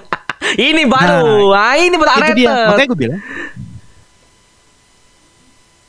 itu makanya gue bilang Zhao sebenarnya bisa bikin film yang jauh lebih bagus daripada Nomadland di film Eternals ini hanya saja mungkin kebentur sama kepentingan pihak studionya Nah, makanya kelihatan tanggung sih sebenarnya kalau menurut gue ya kelihatan nanggung film tersebut gitu loh Nanggung nanggung banget. dari sisi pertarungannya nanggung padahal sebenarnya berpotensi banget ini menyaingi eh, kalau mau dibilang ya hmm? adegan pertarungan di Eternals itu bisa banget nyamain adegan pertarungan di Man of Steel Iya kalau ah. digarap dengan benar Nah itu. Kalau digarap dengan benar lu lihat aja fight scene di akhir ketika Ikaris eh, Makari saling bertarung. Ditambah lagi Fastos. Terus gabung lagi masuk ngerecokin si eh, Crow The Warlord. Belum lagi masuk Tina dan segala macam. Itu pertarungan hebat tapi dibungkus dalam sekian hanya sekian menit Ah. yang dikembangkan oleh Chloe Zhao hanya di bagian story lainnya yang jujur menurut gua amburadul. Amburadul semua ya. Amburadul sih. Arahnya tuh gak jelas makanya terus gue bilang ini apa ini? Gue bilang aduh aduh. Gue jujur aja dari trailernya aja gue udah gak demen pak. Dari konsep trailer aja gue udah gak demen. Musiknya konsepnya apa ini? Tinggal gue lihat eh, bener flop flop memang. Ya. Makanya dislike-nya banyak pak ketika gue review agak, Eternals menya- agak gue sih sebenarnya agak menyayangkan kenapa film ini flop ya. Cuman sebenarnya gue cuman menyesalkan satu dari film Eternals itu, kenapa Eternals itu nggak bisa levitasi? Cuman Ikaris doang yang bisa levitasi, yang bisa terbang. terbang itu adalah salah satu kemampuan. G- Nggak usah terbang, jangan terbang deh. Levitasi maksud gua. Levitasi melayang. Levitasi itu adalah salah satu kemampuan dasar superhero, superhuman. nggak ada Cuman Ikaris, Ikaris yang bisa cuman cuman Ikaris yang bisa levitasi. agak sayang di situ loh, maksudnya agak sayang di situ. Sementara untuk konflik internal intern, eh, konflik internal Eternals sebenarnya gue udah bisa tebak dari awal karena kalau misalnya yang baca komiknya emang sering terjadi konflik internal kok di di Eternals itu emang sering terjadi konflik Eternals. Cuman di sini yang bikin kesel ya cuman itu doang, masih kelihatan banget Ikaris menjadi super power seperti itu nggak ada yang bisa ngalahin. Eh, bukan dia yang jadi Prime Eternals, yang jadi Prime Eternals malah ajak. Belum lagi ini yang jadi masalah banget nih. Yang jadi masalah itu adalah sukanya MCU bikin cross gender. Ajak dibikin jadi cewek, ah masalah itu Sprite dibikin jadi cewek. sebenarnya cowok seharusnya kan di komik kan cowok seharusnya dia tuh Sprite kan cowok. cewek semua lu Aduh. SJW Yang banget sih. Kesel sih. SCW cewek Iya, banget yang boleh. Karena gini bang, lagi-lagi Disney. Kalau Bang Eka sempat nonton Mulan, Disney Lion King, itu SCW parah. Jadi Aladdin apa? What the fuck is this? Gua gak nonton, gua gak mau nonton parah parah parah semua. Makanya Disney tuh mereka tuh udah SCW banget sekarang. Makanya gua lihat Disney. Iya. Aduh, Marvel kok sempat kok udah kok juga kena Marvel. Aduh, aduh, aduh. Iya itu dia makanya Marvel kena. Jadi eh, begitulah. Jadi ya wajarkan aja lah kalau kalau eh, Eternals itu jadi flop ya kayak gitu. Oke. sayang loh saya gue gue sebagai penggemar kedua-duanya jadi mungkin ada yang bilang ya ini anaknya DC banget nih ini anaknya MC Nah. sorry gue anak kedua-duanya maksudnya gue ngefans sama kedua-duanya kalau lu mau bilang yang mana gue lebih ngefans ngefans gue ngefans banget sama kedua-duanya gue yang gue adalah mantan anak yang pernah menikmati komik DC dan komik Marvel dengan begitu senangnya gitu loh jadi gak ada yang mana mentang-mentang gue ngefans banget sama Batman gue bukan berarti gue anak DC nggak juga Nggak juga. Jangan mentang-mentang ah, gua ah. yang eh, ngefans sama Spider-Man terus lu bilang gua anak Marvel enggak juga. Gue emang demen sama kedua-duanya gitu loh. Nah, dua-duanya. Gue. Sama, Makanya- sama gue juga. iya, makanya kalau misalnya gue bilang Eternals flop, ya sorry sebagai penggemar itu emang flop. Memang flop. Memang flop makanya fans tuh sekarang tuh mereka tuh nggak bisa membedakan antara film bagus sama fanboy. Ini yang gue permasalahkan tuh loh. Udah tau film bagus tapi gue pakai saya oh ini bagus tapi butuh gue jelek tapi gue ngomong bagus. Ya lu nggak bisa ngomong gitu jing. Kesel. iya. Karena gini loh, kita juga Aduh. berhak bilang itu itu se, se- sejujur mungkin karena kita adalah fansnya. Ha-ha. Wajar lah ketika seseorang yang suka misalnya gue suka sama teh ini Hmm. tapi rasanya kok nggak enak ya gue harus ngungkapin ini nggak enak teh ini begitulah ketika kita kita nonton film yang sebenarnya kita harusnya suka tapi ternyata nggak sebegitu tidak se- sebagus yang kita harapkan gitu loh Hmm, bener bener dan bener. balik lagi itu terjadi itu terjadi sama The Batman ini kenapa jujur aja jujur aja gue bilang kenapa gue jarang ngebahas The Batman di channel gue karena gue pengen menikmati filmnya Hmm. Gua nggak mau kejadian sama seperti di Spider-Man No Way Home. Semakin banyak gua kulik, semakin semakin hilang surprise gua ketika nonton film Spider-Man No Way Home. Dan itu terjadi. Gue pengen menikmati The Batman ini benar-benar sebagai sebuah film yang bekal gue cuma nonton trailer 1 dan 2 doang. Trailer 3 gue belum nonton. udah udah udah Gue cukup. mau nonton. udah udah cukup, udah cukup. Ini terlalu jorok udah. Kalau misalnya udah di dikeluarin udah terlalu jorok, udah hilang ekspektasi ketika gue pengen nonton The Batman karena begini The Batman ini bakalan penuh dengan teka-teki yang mana gue sebagai fans gue juga pengen menikmati hype-nya menebak apa namanya? Sorry. Gue pengen merasakan hype-nya menebak eh, teka-teki atau tebak-tebakan yang dikirimkan oleh The Riddler untuk The Batman. Hmm, iya sih, iya itu sih. adalah salah satu itu adalah salah satu poin yang mungkin kenapa gue harus nonton film The Batman ini Hmm, iya sih, benar benar benar benar. Iya sih, benar. Makanya Iya. makanya eh apa kebiasaan Warner Bros dulu emang gini, Bang. Eh, Nguculin trailer lebih dari tiga kali, lebih dari tiga. Iya, maksud gua dua kali cukup deh, jangan jangan. Dua kali dan- cukup. Dan, please, dan, dan itu dia, please jangan rilis official clip yang sampai berapa menit, jangan please. Aduh, dan ternyata ternyata ada, gua nggak mau buka, gua nggak buka.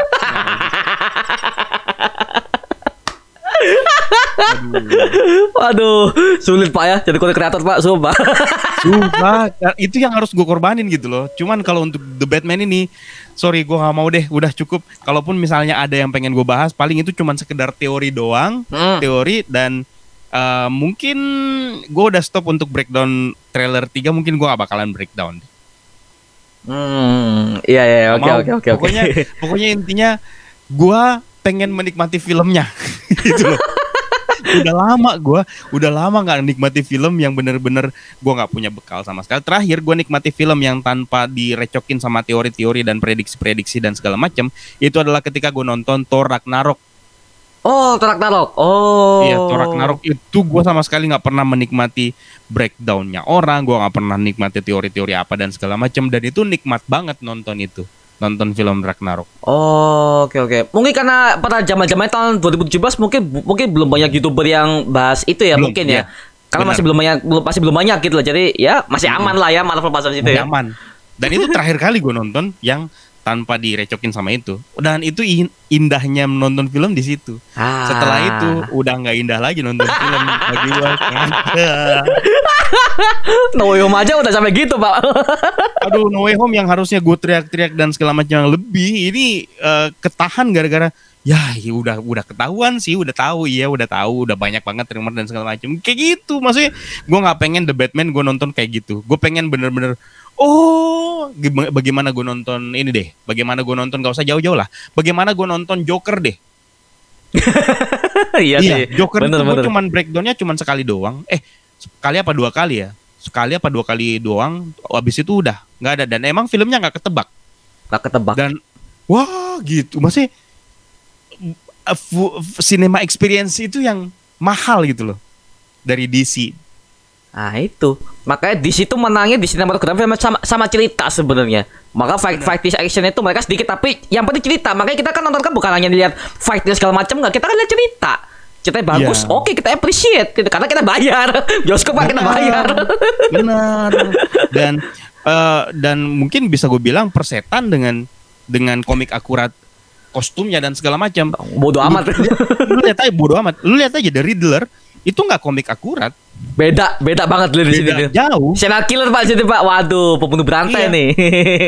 The Riddler di sini malah kalau misalnya mau dilihat di comparein dengan komiknya uh, yang pertama gue ngelihat dia malah jadi kayak pemimpin Court of Owl oh. kalau mau dilihat ini ya kostumnya ya, malah kelihatan kayak pemimpin Court of Owl dan cara dia membunuh wali kota Gotham itu malah kayak ini jangan-jangan ada identitas Hush di dalamnya nih dia kan Hush itu kan ini Ah, tapi tapi gini bang, eh, untuk Hash itu sebenarnya ada dua versi sih. Yang Ya. Ha- Hash yang pertama itu kan ya teman lama si Bruce, si Thomas Mm-mm. Elliot.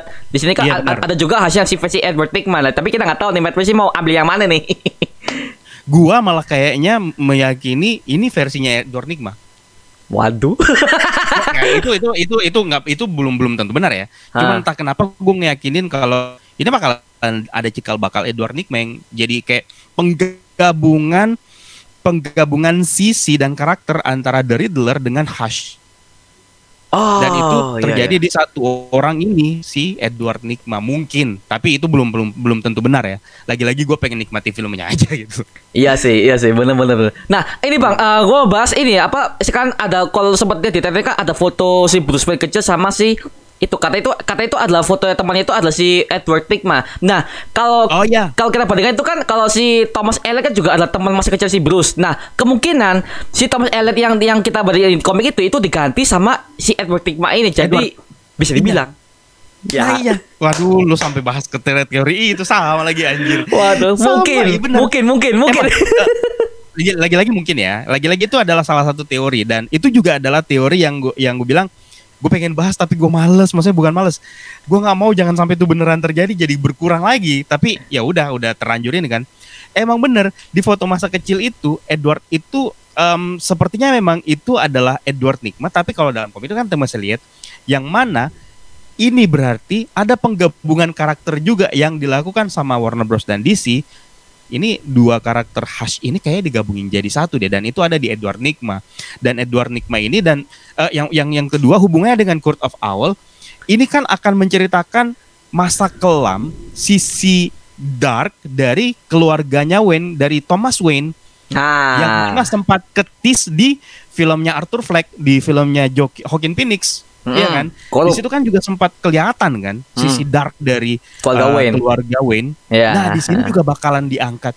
Dan itu kenapa makanya makanya gue bilang warna-warna dari The Batman yang ini loh yang belum pernah kita lihat, yang belum pernah diangkat, pengen diangkat sama Matt Reeves dan ini yang pengen gue nikmati sebagai salah sebagai sebuah em, film The Batman yang cikal bakalnya bakalan jadi trilogi yang dimulai dari sisi gelap dari keluarga Wayne. Bahkan Alfred Pennyworth sendiri, gue malah baru inget kalau dia ternyata memang mantan marinir kan. Memang namanya dari dulu Pak eh, Alfred Pennyworth tuh. Makanya ada bekas luka Memang. di serkis. Gue lupa, maksudnya gue sempat lupa, gue lupa iya ya. Alfred Pennyworth kan mantan marinir. Eh, iya sih benar-benar iya benar-benar makanya bang kalau lo pengen nonton Alfred Pennyworth seperti apa jujurnya lo nonton di HBO Go tuh ada kok di situ Pennyworth series itu di situ ya? lo bisa lihat situ eh, perjalanan Alfred Pennyworth selama dia itu menjadi tentara dia dikhianati segala macam itu ada semua di HBO Go lo bisa lihat namanya Pennyworth Oke oke oke. Itu, Oke, oke, oke. kalau mau lihat kebetulan gue lagi berlangganan HBO gara-gara Peacemaker jadi wajar. Bak- gue bakalan nonton, gue bakalan nonton. bagus-bagus di sih pak sebenarnya tapi ya itu fansnya ada iya bagus. Cuman emang emang dan dan dan memang memang jujur aja ya marketnya untuk DC memang marketnya eh, marketnya lebih ke orang yang lebih dewasa memang em, Hmm. untuk ini untuk Hmm. untuk menikmatinya dan lebih dewasa cara berpikirnya sebenarnya. Hmm. Iya, makanya gini bang, kalau kalau lu perhatikan ya, kalau lu nonton Marvel DC di bioskop Marvel penontonnya, wah anak-anak muda, ya kan, Iya. anak-anak kecil, Kelihatan. bocil-bocil, dia di sedangkan DC, wah, ya, ya seumuran gua yang umur 22 tahun ke atas sama orang dewasa bapak, iya, itu dia makanya. Makanya gue gua nggak expect ketika film The Batman nanti diputar bakalan banyak anak muda dan bocil-bocil. nggak ada, gue yakin nggak ada Kayaknya sih, nggak bakalan ada. Nggak bakalan Kayaknya ada. nggak bakalan ada. Nggak bakal ada, gue Belum udah lagi yakin tuh. komentar mereka yang ya request lagi, request lagi. Ini masalahnya gini loh. Masalahnya itu sebenarnya bukan di di requestnya. Masalahnya itu Batman memang punya arc yang banyak. Banyak artnya Batman dia itu tuh. memang pu- punya arc yang banyak dan ada beberapa arc yang harusnya menarik untuk diangkat tapi belum keangkat yang cuma arc-arc yang biasa doang maksudnya arc-arc yang ya cerita cerita sepele yang pernah diangkat mungkin yang agak lebih bagusan di Batman jadul cuman Tim Burton doang yang waktu Michael Keaton Cu- cuman itu doang mungkin yang agak enak untuk dinikmati selebihnya itu yang yang arc-arc receh nah sementara ketika ngangkat uh, arc The Batman ketika masuk di zamannya Christopher Nolan itu udah mulai ini kan, udah mulai enak kan, Mhm. karena udah kelihatan nuansa politiknya dan segala macam, nuansa mafianya dan segala macam udah kelihatan kan. Belum lagi akhirnya masuk ke eranya DCU Zack Snyder.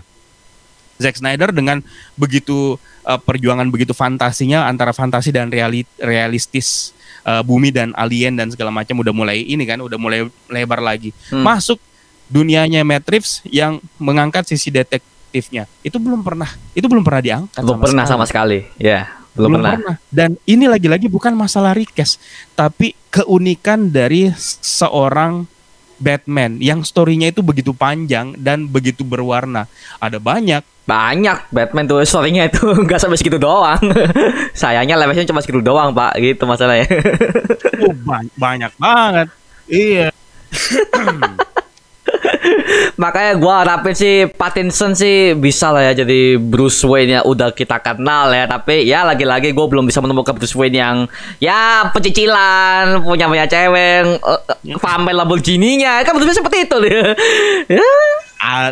Ada pokoknya kayak bakalan ada tapi mungkin itu tidak akan ada di The Batman ini. The Batman masih year one, maksudnya uh, lu baca lu baca komik year one Batman itu kayak gimana? Maksudnya uh, Baca, baca, udah si- baca kok. Si Bruce Wayne itu kayak gimana? Iya kan? Ah. Maksudnya lu tau lah sisi psikologinya uh, Bruce Wayne di tahun pertama tahun keduanya itu masih belum seperti yang kita kenal Batman eh, si Bruce Wayne dan Batman yang kita kenal gitu kan Ah. dualismenya itu masih belum masih belum kerasa jadi Mhm. memang masih ya yang sosok anak muda Bruce Wayne anak muda yang begitu brutal dan segala macam gitu loh tapi Mhm. mudah-mudahan ya itu dia tadi mudah-mudahan uh, no killing rule-nya dipertahankan mudah-mudahan Oh ya, kalau masa No Killing Room masih ada. Pastinya itu itu karena kan udah jadi ciri khas Batman. Jadi ya ma- pasti ada masih Iya. sih. Masih ada gitu. Oh Mudah-mudahan ya, ada. eh, bang, gua mau bahas lagi nih. Eh, katanya nanti di sini, eh di sini di katanya di sini si Barry Keoghan ya. Lu masih, lu, lu tau gak sih ya Barry Keoghan yang main di Eternals? Itu kan katanya akan jadi. Joker tuh. iya ke itu katanya gimana nih? Bentar gue mau nanya gue mau nanya balik lu setuju gak? lu Gua- setuju gak? Gua nggak tahu, gua nggak tahu. Karena gua belum tahu Barry Keoghan tuh dia seperti apa. Karena Barry Keoghan yang gue di Eternals itu gua pikir dia tuh akan jadi villain loh. Bahkan gua nggak sempat pikir Ikaris yang akan berkhianat. Benar. Gua pikir si Sama ini kita, sama. karena secara secara secara psikologi si siapa namanya? Siapa perannya di Eternals apa? Gue lupa siapa namanya. siapa namanya? Eh, eh, ini Siapa Druid. tuh? Druid, Druid itu lebih lebih masuk akal karena kan dia ngelihat manusia tuh nggak bisa dikontrol sehingga alah gua pengen mendengar manusia tapi gan- dengan cara gua. Itu kan udah Benar. pikiran teroris sebenarnya kan tapi di ya Iya, benar. Ikaris loh. Gua pikir Druid Druid itu udah udah film apa muka-muka villain lo ya. Elah. Bener. Geblok plot twist kan itu ternyata bukan villain nah itu dia makanya gue bilang potensi-potensi seperti itu yang disia-siakan sama disia-siakan sama ini Marvel.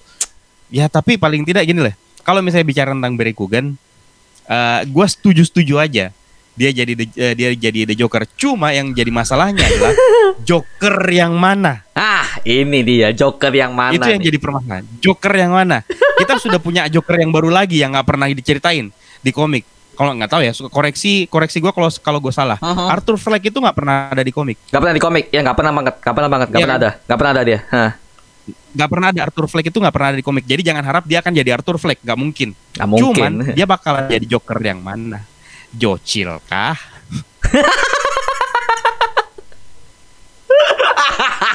Nggak tahu nih. Nggak nggak tahu nih gua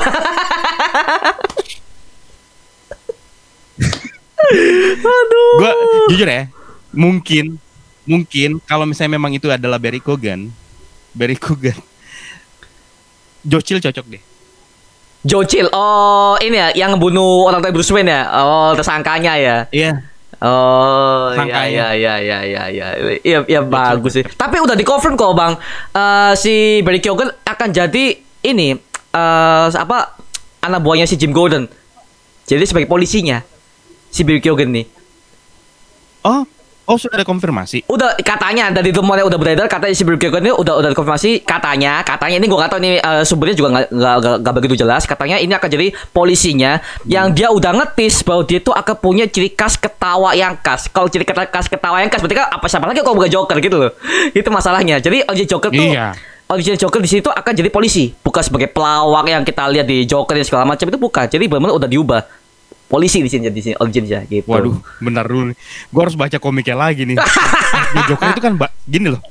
Joker ini kan salah satu karakter misterius yang sampai sekarang kita nggak pernah tahu originnya kayak gimana. ya ah serius banget ya nggak tahu siapa Gak dia ada tuh yang pernah tahu. Gak ada yang pernah tahu originnya Joker itu kayak gimana. Beberapa kali udah diceritain tapi nggak pernah tahu yang sah, yang bener itu yang mana. Gak ada yang pernah tahu. Makanya gue kayak bak- bakalan baca lagi nih. Apakah bakalan dibikin origin baru lagi sama si Matrix si Joker ini? Joker jadi polisi dan segala macam gitu kan? Kayak baru sih bang, karena dari dari semua komik tuh kemarin kan itu jadi ya mantan pelawak, mantan gangster, Jack Napier yang Iya, The Batman kemarin itu kan gangster kan, jadi gak kita nggak tahu siapa dia sebenarnya Joker ini, Mm. itu sih. Masih teori Jack nih. Napier kayak kayak kayaknya si Jack Napier bukan atau jangan-jangan bakalan dibikin Joker baru lagi setelah Arthur Fleck ada Joker baru lagi. banyak bang, Joker banyak, banyak banget, banyak banget di sini. Jadi jadi uh, belum lagi ada kabar si Willem Dafoe yang akan jadi Joker. Dan Willem Dafoe katanya udah mengkonfirm dia udah jadi Joker imposternya. Jadi uh, nanti akan jadi Joker imposternya di, di Joker 2 si Joker Phoenix katanya seperti itu si Willem Dafoe. Jadi katanya seperti itu. Itu masuk akal. hmm, itu masuk akal sih. Aduh.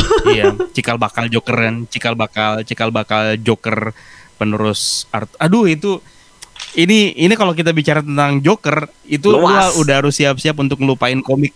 Lu, lu udah harus siap-siap untuk ngelupain komik karena belum tentu dibikin sama-sama seperti komik karena yaitu dia tadi ambiguitas dari si Joker ini sendiri. Joker itu sebenarnya siapa? Gak ada yang tahu. Lu mau bilang Jack lu lu mau bilang Jack Napier oke, lu mau bilang itu uh, Joe Chill oke, lu mau bilang siapa yang di series Gotham itu? Yang di series Uh, itu, yang di Jerome seriesnya? Jerome sama Jeremiah Valeska. Jokernya ada dua. Jerome, uh, uh, itu juga oke. Lu mau bilang Arthur Fleck juga oke. Lu mau bilang siapa lagi juga tetap oke. Maksudnya Joker itu Joker itu siapa aja. Siapa aja. Makanya kan ada ada komik Tri Joker, Bang. Tri Joker, ya itu. Nah makanya itu dia. Atau jangan-jangan mereka mau bikin Joker first nggak nggak jangan jangan jangan. Aduh, jangan jangan.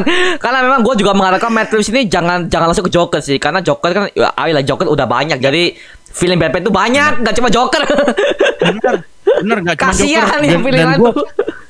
Bener, gue udah setuju nih, gue udah setuju pemilihannya The Riddler dengan uh, Penguin, meskipun ini bukan bakalan jadi uh, villain utama di film ini ya. Penguin nggak Mhm. bakalan jadi villain utama di film ini. Yang jadi villain utama adalah The Riddler. Riddler, Tapi ah. kemunculan Penguin itu sudah cukup untuk Oke, gue pengen ngelihat lebih dari apa yang di gue gue pengen ngelihat lebih dari Penguin itu itu doang yang sebenarnya yang gue gua harap dari Matt Reeves dari trilogi ini ya gue pengen lihat yang lebih dari Penguin Iya sih, iya sih, harus sih. Cobblepot itu adalah salah satu karakter unik sih di komik kok unik banget sih Gak usah di, di komik sih bang. Eh, di kalau bang bang Eka nonton series Gotham nggak di HBO Go?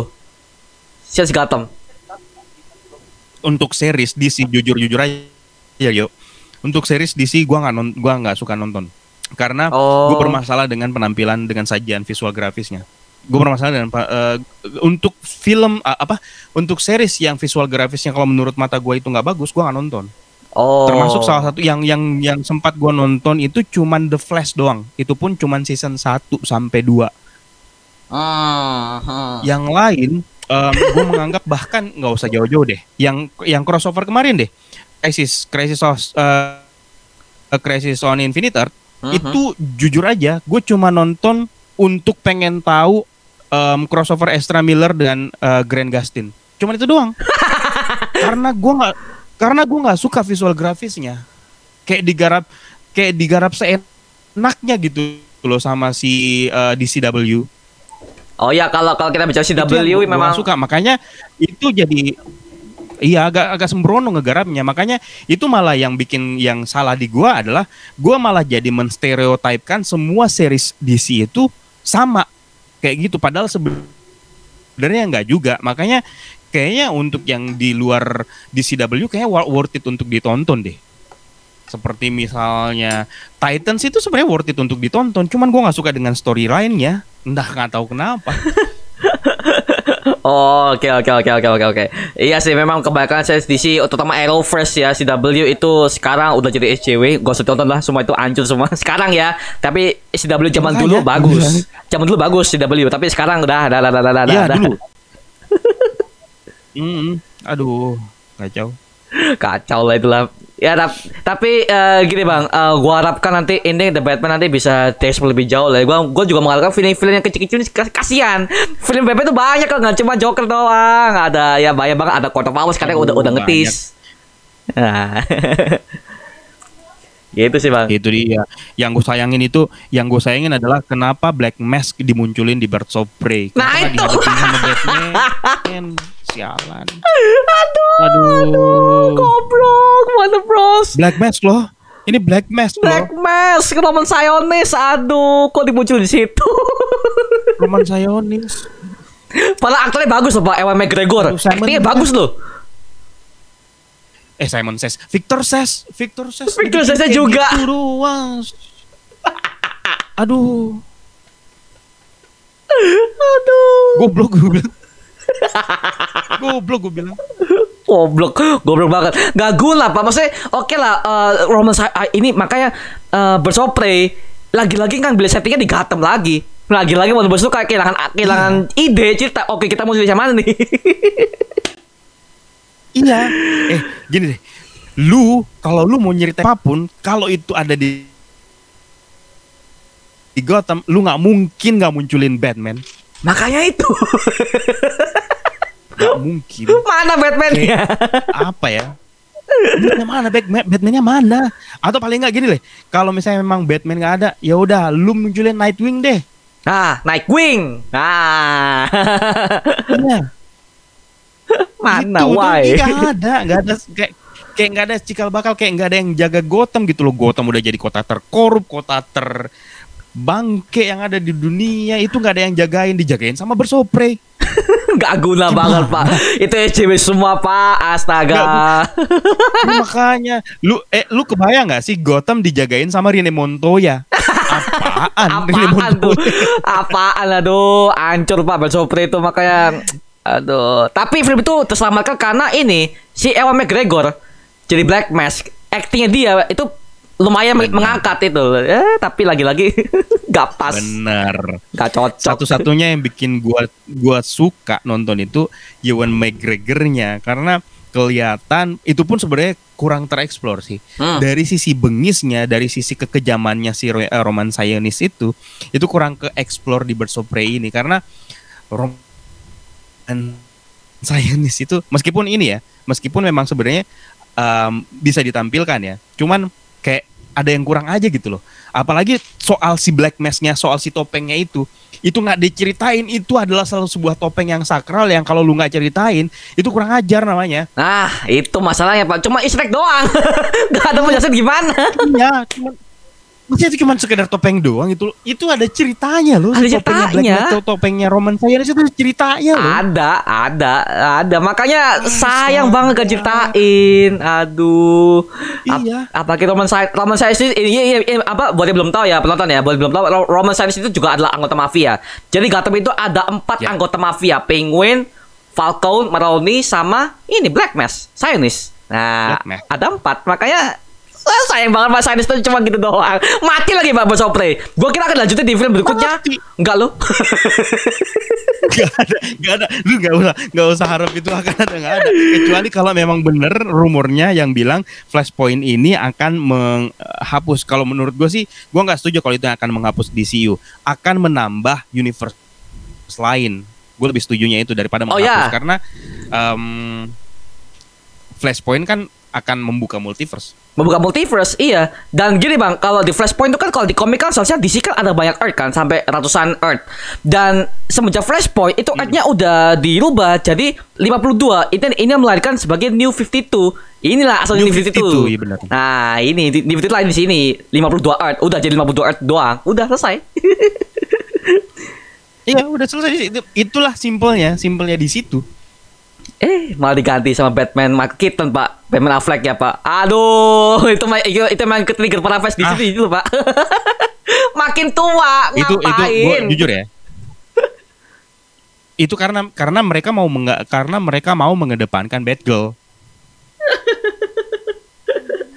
yang jujur jujur aja nggak nggak bisa maksudnya lu nggak bisa ngegantiin si tiga ini si Trisula Trisula di ini Batman Wonder Woman Superman lu nggak bisa nge-replace tiga orang ini Batman lu mau ganti Batgirl itu namanya nggak sopan Nggak sopan, Pak, sumpah. Nggak sopan. Karena One Piece tuh eh, apa ya? Asal mereka tuh ganti Ben Affleck. Oh, dia ketuaan.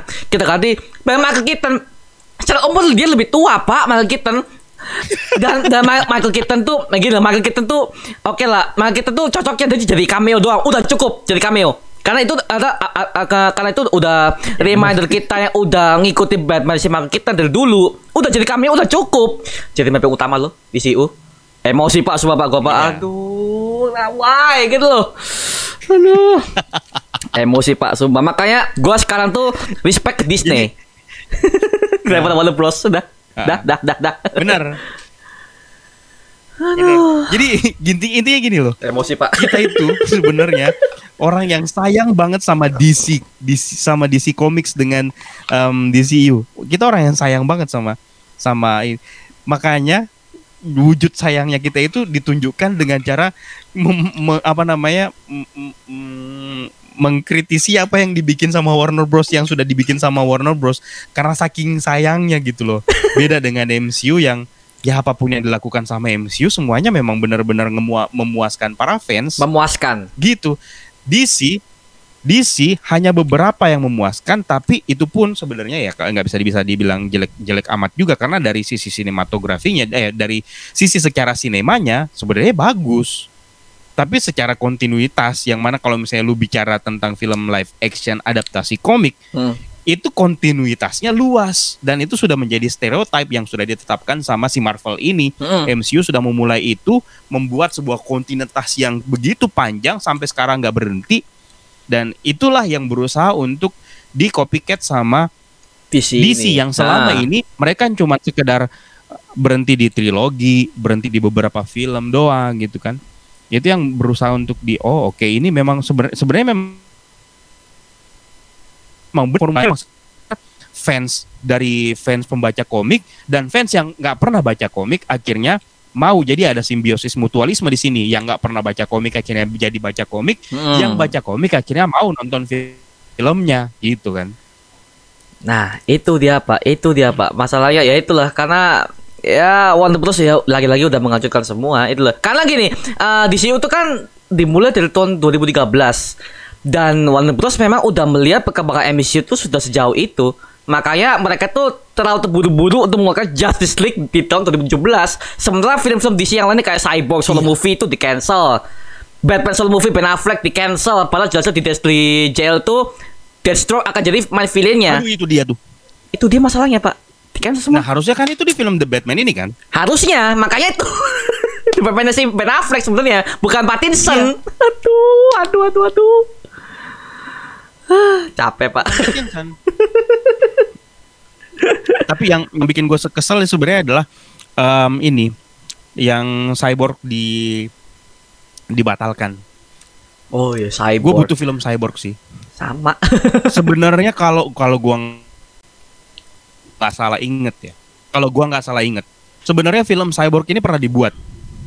Tapi di era tahun 80-an dan itu gue nontonnya di CD deh kalau nggak salah. oh Tapi pernah tahu, gue lupa. Gue lupa apa pernah ben- apa beneran pernah. Gue lupa, gue lupa. Apa beneran pernah apa gue yang salah ingat ya? Itu apa apa itu film lain yang kebetulan mirip doang gitu loh. Cuman kayaknya gue pernah menonton satu film yang mirip banget dengan kisah cyborg. oh. Cuman gue lupa itu judulnya apa. Robocop mungkin pak Gue gue belum pernah ini juga sih. Gue belum belum belum pernah. Agak kalau Robocop gue tahu lah. Kalau Robocop gue tahu Robocop. Cyborg juga gue tahu. Cuman gue lupa lupa ingat. Tapi itu waktu gue masih kecil masih kecil banget sih. Yang ngenalin gue tentang Hmm. cyborg ini adalah bokap oh oke oke oke oke gitu. Jadi karakter yang gue tahu pertama kali dari karakter komik, yang pertama itu Spider-Man, yang kedua itu Batman, yang ketiga Superman, yang keempat itu Wonder Woman dan yang kelima itu Cyborg. Gue belum tahu tuh The Flash. Gue belum pernah tahu tuh Iron Man yang sekarang terkenal banget. nah Gue nggak pernah tahu tuh siapa namanya. Gue nggak pernah tahu tuh Captain America yang terkenal banget. Gak pernah tahu gue. Cuman lima itu doang. Spider-Man, Batman, Superman, Wonder Woman dengan Cyborg. itu yang cuma gue tahu yang itu. Eh, ada lagi satu ding, Wolverine. oh Wolverine nah ya Itu cuman itu doang. Iya sih pak, zaman dulu ya. Karena zaman dulu memang semua kata-kata itu kita udah kenal dari kecil. Makanya ya generasi tua sekarang eh, lebih suka nonton DC pada pada Marvel. Jadi mohon maaf ya, gue ngomong gini Karena banyak-banyak komunitas gue yang udah umur di atas eh, 30 tahun ke atas Mereka lebih setuju nonton DC tuh yang eh, sekarang ini. Ya mereka karena fa- tokoh-tokoh famili apa tokoh-tokohnya juga familiar. Karena kita dari kecil udah nonton seperti itu dari kecil. Ya udah. Gitu. Tapi tau gak yuk? Sebenarnya Mario, Hmm? eh, gua justru lebih menikmati komik-komik Marvel di zaman waktu gua waktu gua masih kecil dibandingkan komik-komiknya DC. Karena itu ceritanya DC di di komik, ceritanya DC itu sebenarnya itu berat loh kalau untuk orang yang seangkatan kayak kita yang masih kanak-kanak. Lu bayangin aja cerita-cerita kayak the- ya cerita ya gua paling inget Batman sih yang ba- kuat banget unsur politiknya, Mm-mm. mafianya mana gua ngerti Nggak ngerti anak-anak itu ya. kan realistis banget. Ah, realistis banget. ngerti gua. Sama dulu Nggak ya. ngerti. Tapi tapi gue jatuh cintanya itu sama arc-nya si Joker yang jatuh ke SM. Gue jatuh cintanya di situ yang bahkan Oh. dulu kalau nggak salah eh gul- dulu kalau nggak salah ya dulu Hmm? itu sandiwara radionya kalau nggak salah. Kisah si Batman. Oh, radio. Radio pernah ada kisah sandiwara radionya Oh, dan bahkan sempat dirilis kasetnya loh. anjir, gue baru tahu. gue baru tahu. Baru tau kan lu? Gue baru tahu. Pernah ada, pernah. Oh, oke oke oke Dan oke. bahkan lagu lu tahu nggak sih lagu soundtrack yang paling terkenal tahun 90-an lagu soundtrack film anak-anak yang terkenal itu adalah Batman Batman kamu jagoanku Batman itu yang dinyanyiin sama anak-anak tahun 90-an Oh. Waduh, gue baru tahu nih. that's why kenapa gue bilang kalau lu bicara tentang superhero kalau lu mau bicara tentang superhero gak ada superhero yang paling terkenal selain Spider-Man dan Batman Hmm, ya. Superman kalah lewat jauh. Dua ini. Iron Man siapa yang tahu Iron Man? Gak tahu. Kagak ada yang tahu Iron Man dulu. Kagak ada yang tahu dulu. Maksudnya dikit yang tahu Iron Man dulu. Captain America dikit yang tahu dulu. Yang paling terkenal cuma dua ini di Indonesia ya, tapi di Indonesia. Tapi nggak tahu kalau di luar. Ya itu karena ada lagunya waktu kita masih anak-anak, mas ada lagunya masih zamannya Bondan Prakoso masih kecil yang masih nyanyi lumba-lumba. serius lo gue bilang, serius gue. oh, iya sih, iya sih benar. Karena karena gini bang, eh, Batman juga adalah maskot DC sebenarnya. Karena Detective Comics itu yang pertama memang yang diceritakan memang Batman. Detective Comics. Comics. Nah ini. Iya, Dan juga musuh bujibun. itu. Batman dan Spiderman itu musuh bujibun. Banyak villainnya. Ya, Kalau Iron Man, Benar. Iron Man lu bisa hitung villain dengan jari. Thor dengan jari. Thor apa villain originnya ya, bukan villain yang nom- nimbrung ke kayak MCU kan film yang lain nimbrung ke si film originnya itu. Karena aja aslinya Iya. di jari.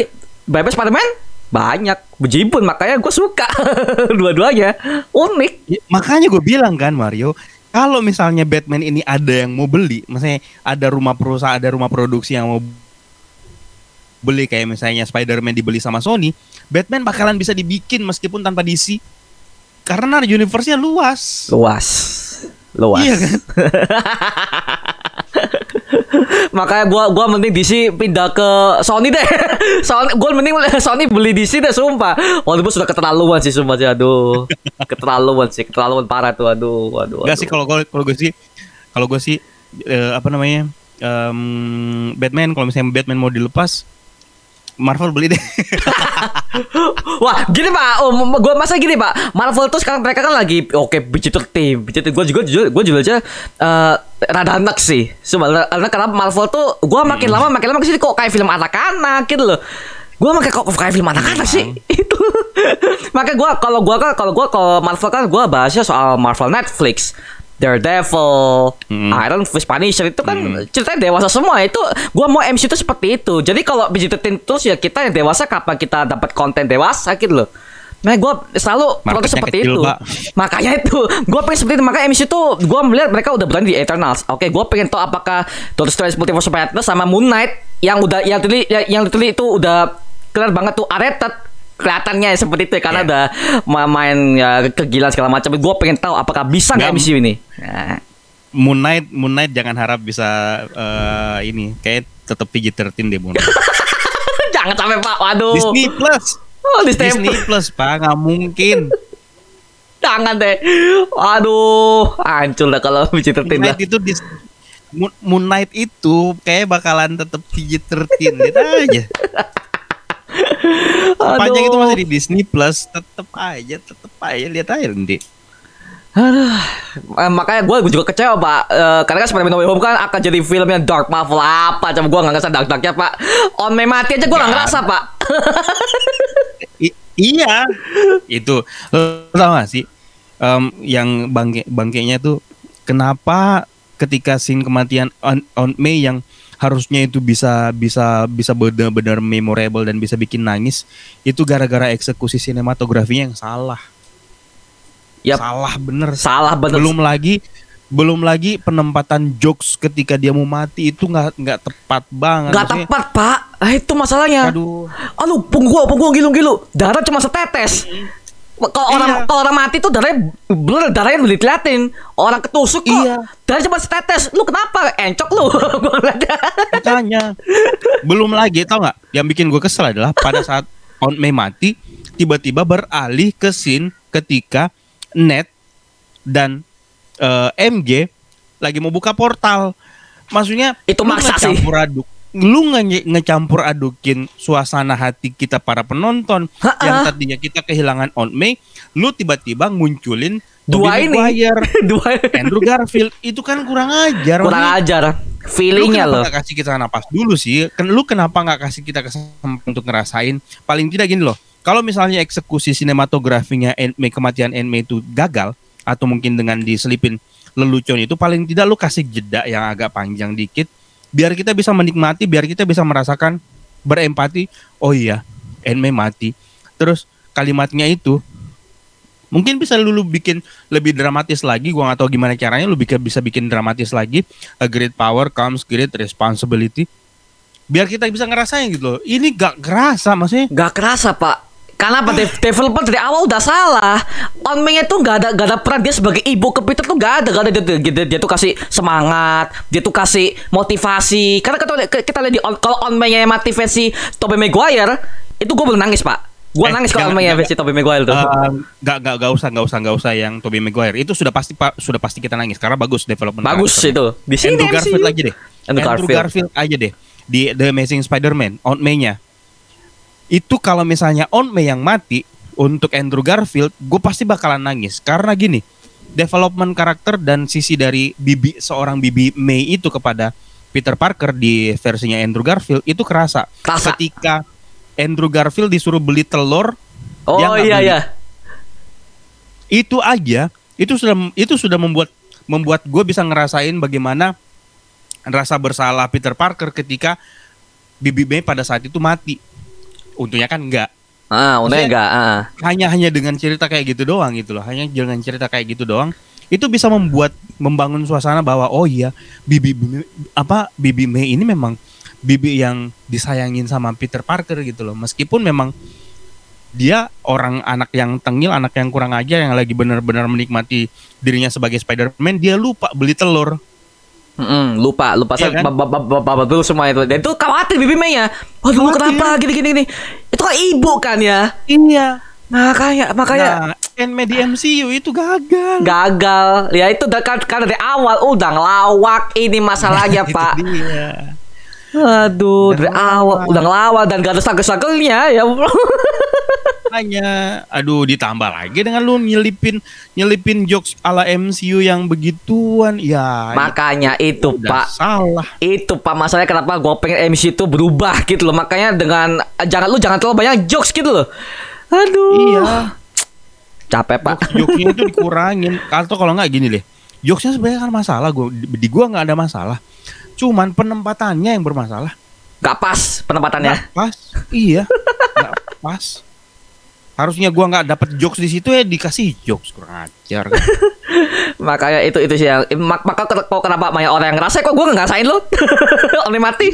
Nggak ngerasain gue jujur aja gua jujur aja gua agak gua masih gua masih eh, kalau gue ya gua masih ngerasain sih. Gua- gua masih ngerasain kematian on May itu gua masih sempat terenyuh meskipun tidak sese, tidak seperti itu harusnya gua harusnya gua nangis. Cuman gua cuman hampir nangis doang. Kenapa? Karena ketolong sama sosok on May dari Tobey Maguire dengan Andrew Garfield ah jadi gue nge-comparein antara On May ini dan On May memang patut disedihkan, maksudnya patut untuk ditangisi kepergiannya. gitu. Ketolongnya gara-gara itu, bukan gara-gara On May yang diperankan sama Marisa Tomei. Oh, se- sebagai on ya bukan dalam Sebagai segi face aktrisnya bukan ya? Oh. Bukan. Oke, oke, Apalagi oke. kalau misalnya lu lu tahu On May di di komik kayak gimana. Oh. Pasti lu pasti bakalan nangis. Nangis, nah, nangis, kita Pak. itu kita itu ketolong sama sosok On May yang lain itu, bukan On May-nya si Marisa Tomei ini. Ah, ah. Kalau cuman sekedar ada satu Maris uh, hanya ada satu Bibi May doang, itu nggak bakalan nangis gua. Nggak Bakalan bakal. Ketawa. bakalan ketawa. Lo gua gua ketawa Pak pas di bioskop tuh semuanya semua ini gua kedua gua tuh Itu ketawa. berarti lu jahat, Mario. Lo bukan, gua ketawa, serius, serius gua ketawa. Serius gua ketawa. Gua serius gua ketawa. Mana?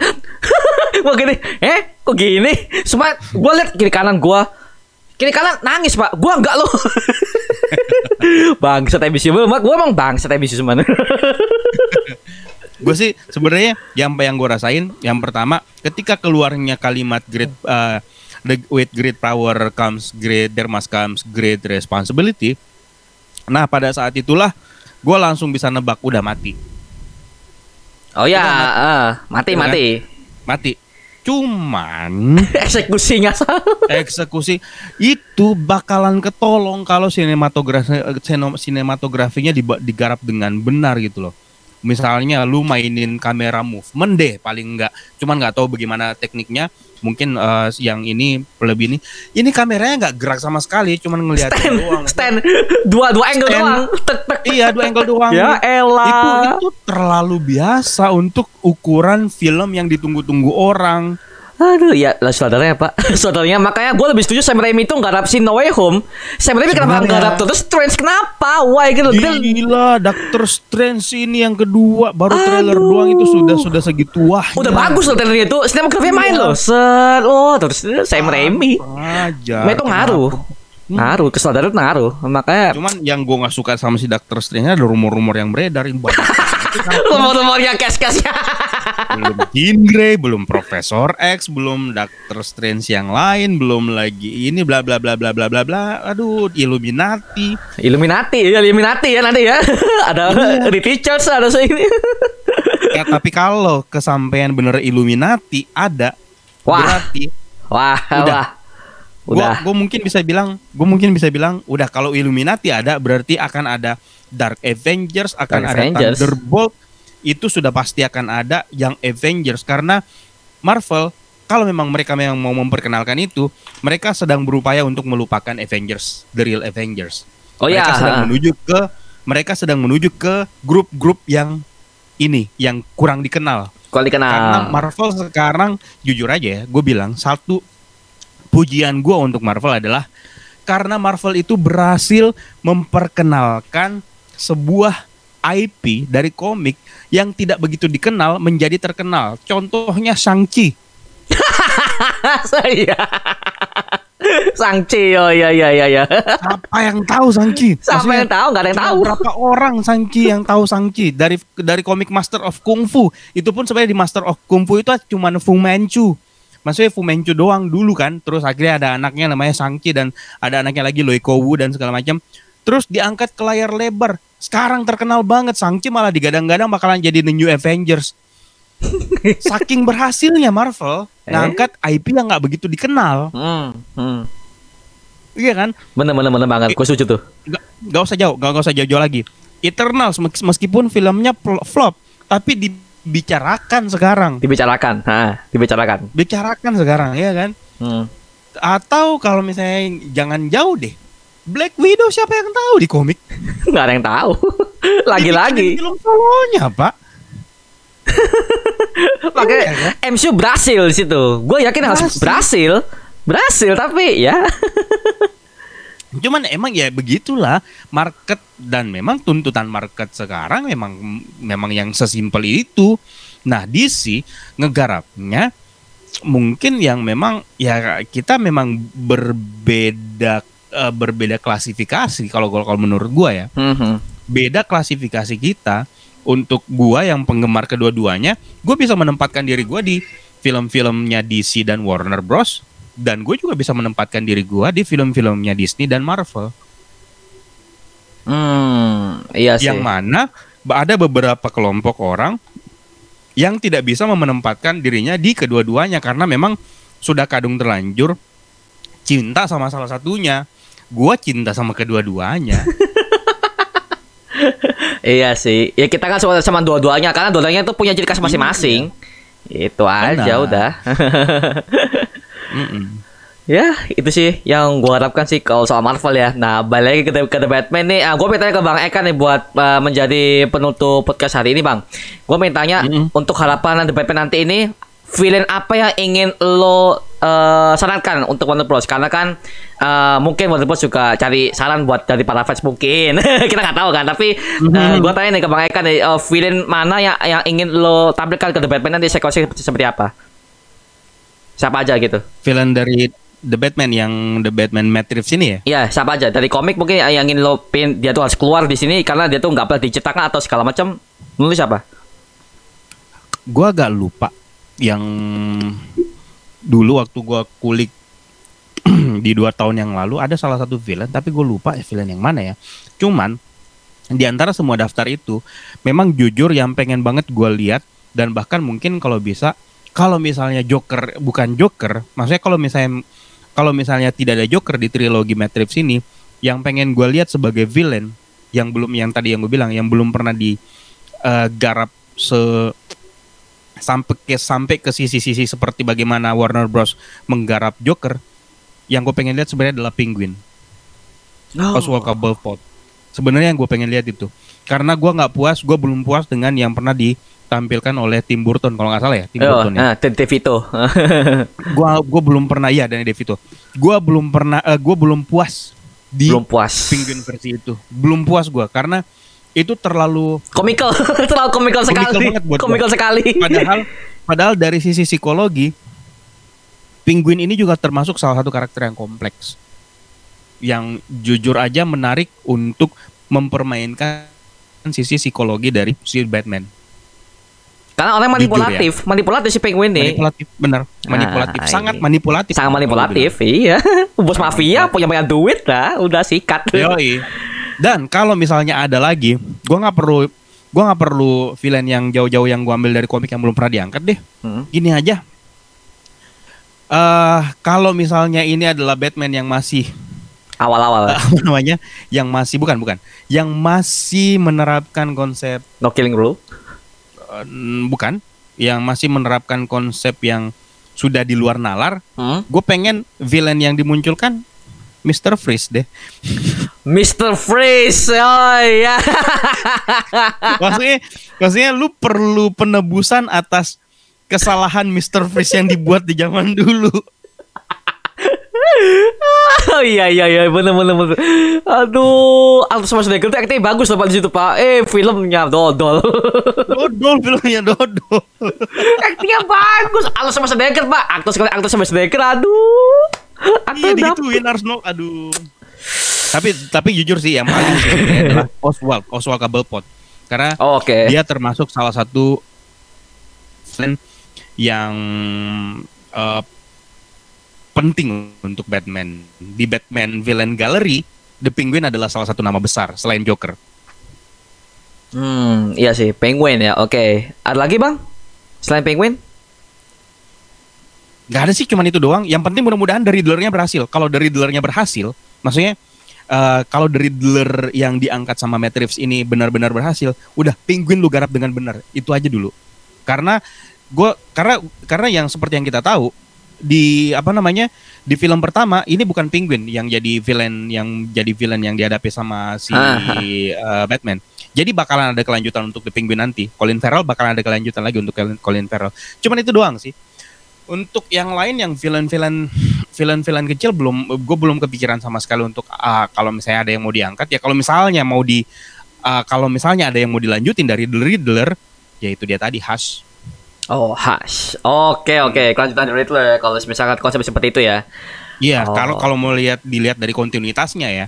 Hmm. Secara kontinuitas Hush adalah termasuk salah satu villain yang layak untuk diangkat.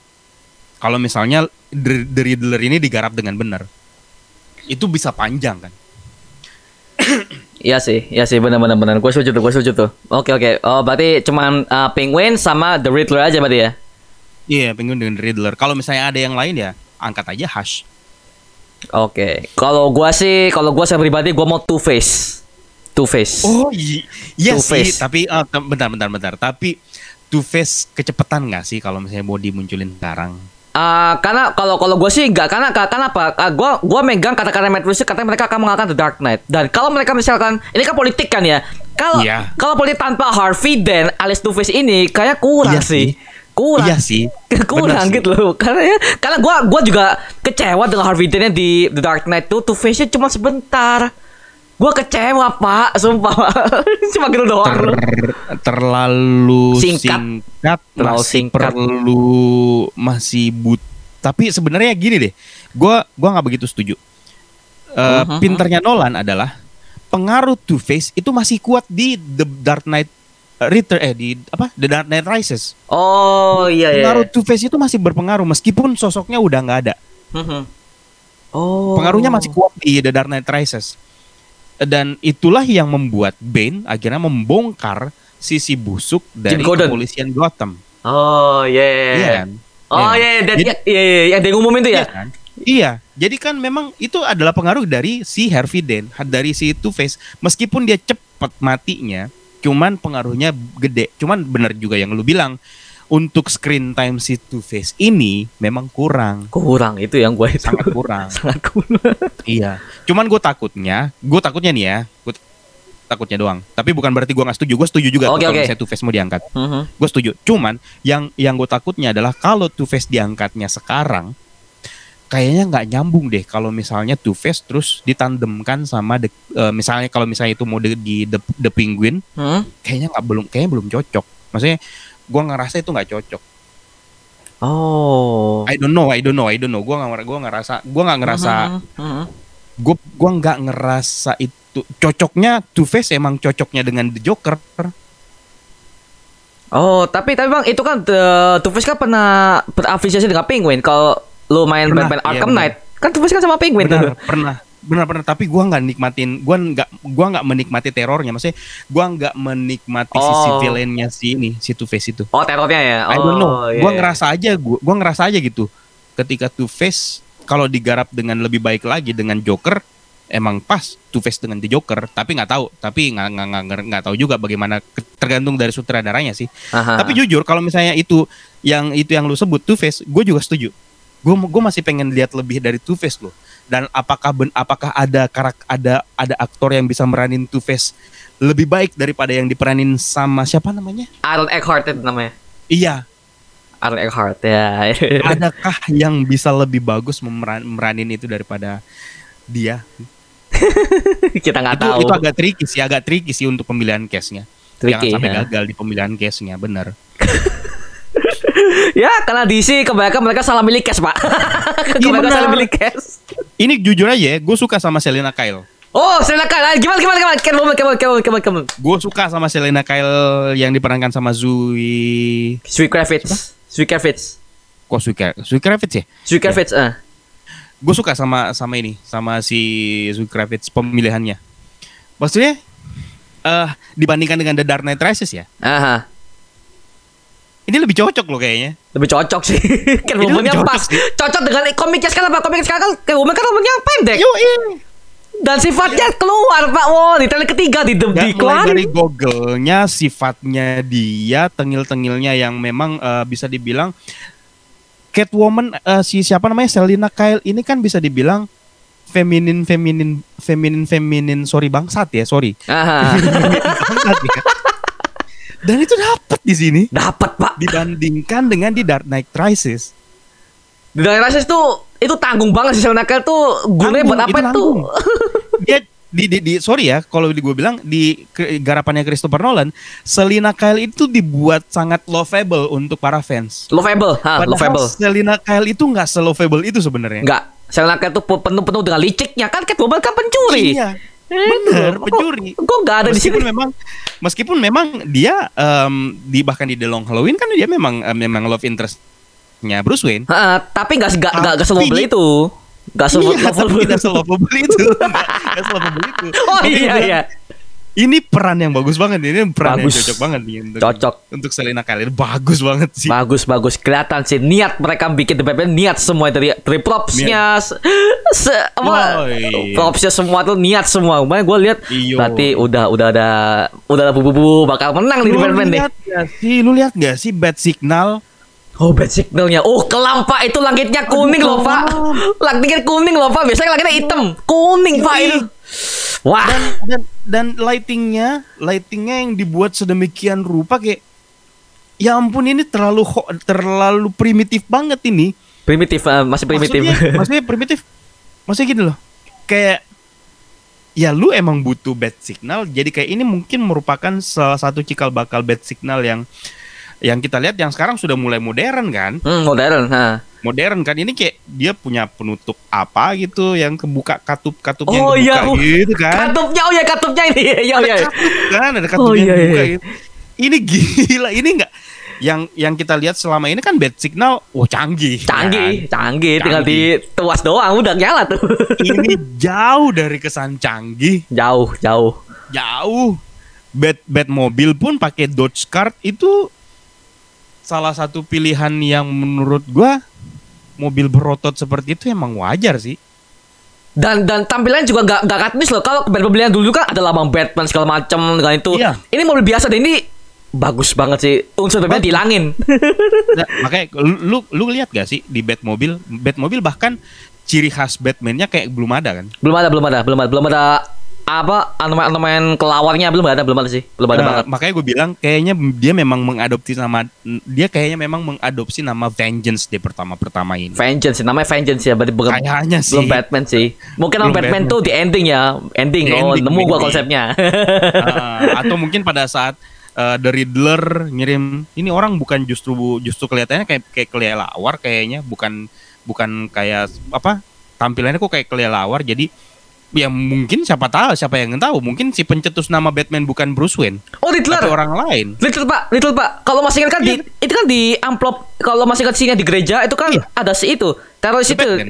The, I'm, to the Batman. Berarti mungkin. Riddler yang ngasih namanya mungkin. iya Mungkin. mungkin dia yang mungkin si, dia. yang kasih namanya Mungkin. Nah. dan dan si Bruce Wayne itu belum tahu Batman siapa ya iya dia juga bingung. Siapa dia juga bingung Batman siapa ya apa gue gue oh iya ya Cape Crusader gue kan memang mirip ini memang dia udah mikir. memang mirip Batman kan Oh ya aku paham mirip ya. Iya. ya benar benar benar benar.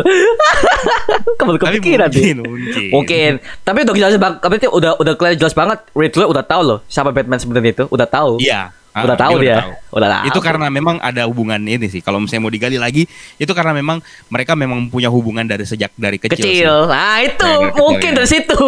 Edward Nigma ini mungkin adalah um, inner cycle circle dari keluarga Wayne yang pada saat itu Thomas Wayne terlibat kejahatan eh, yaitu dia tadi sisi kelam dari keluarga Wayne kan Hmm. terlihat kejahatan terlihat ke, terlibat kriminal yang kalau berdasarkan komik Thomas Wayne ini sebenarnya ada hubungannya dengan Kurt Owls. Nah, itu adalah anggota kota Owls Pak. Thomas Wayne nggak mau bahas itu Nah, makanya gue udah lihat trailernya Court of Owls. Ya, gue udah tahu. Gue udah gue baca komiknya. Iya makanya gue nggak mau bahas itu gue mau melupakan semua itu Oke oke oke oke. Kita kita kita simpan lah buat nanti untuk eh, nanti kalau kalau film itu udah kelar, mungkin kita bisa break dulu lagi bareng Pak. Ya, Ah. bisa lah, bisa lah, bisa lah nanti. Oke, kalau bisa ajak Bang Rian, Pak. BCU sama Daily Screen. Nanti nanti mudah-mudahan kalau misalnya ada ini ya, ada waktu dan mereka ada ini ada waktu senggang bakalan gue ajak lah. Oke, siap Bakalan Bang. Oke, siap. siap. Karena ini harus di breakdown semua kalau misalnya filmnya udah keluar nih. Oke. Doi. By the way, ini adalah salah satu podcast kayaknya untuk kalian penggemar pop culture kalian harus dengerin ini karena berisi banget sih yang dibahas sama si Mario ini benar-benar berisi. Tamu-tamunya juga tamu-tamunya yang keren-keren. Gue salut sama Mario. Mudah-mudahan channel lu bisa berkembang dan jangan pernah menyerah. Viewer Oke. mudah-mudahan terus berdatangan deh. Oke, siap-siap. Thank you Bang Eka dan gua gua juga ngarepin Bang Eka Kramex juga bisa bikin konten yang lebih bagus lah ya dengan rewatch rewatch rewatch karena gua bikin konten rewatch belum tahu ya. Gua bikin konten rewatch, gua terinspirasi dari Kramex nih. Ah serius? Serius. Makanya sejak saat itu ketika Kramex bikin rewatch, wah gua bikin dah tapi dengan ala DC Marvel. Nah, gitu. benar, benar, benar. Gitu. Jadi itu Tapi lu keren, keren, lu keren, lu keren, Mario, lu keren. karena gue juga eh, apa yang ngikutin Bang Eka itu itu yang gue suka tuh dari eh, obrolan lu dengan Bang Rian yang setelah nonton No Way Home itu kan lu sempat discussion live kan dengan banyak banget Oh, iya. itu penonton itu gue suka sih dengan argumen lu itu nonton No Way Home ada beberapa, kekurangan segala macem itu gue suka sih itu iya sih memang. iya sih memang sih. Gua suka Kita banget kadang, tuh. Kita kadang kita kadang eh, nggak bisa bohong kalau untuk soal soal yang kayak gitu gitu loh. Jadi ya gitulah.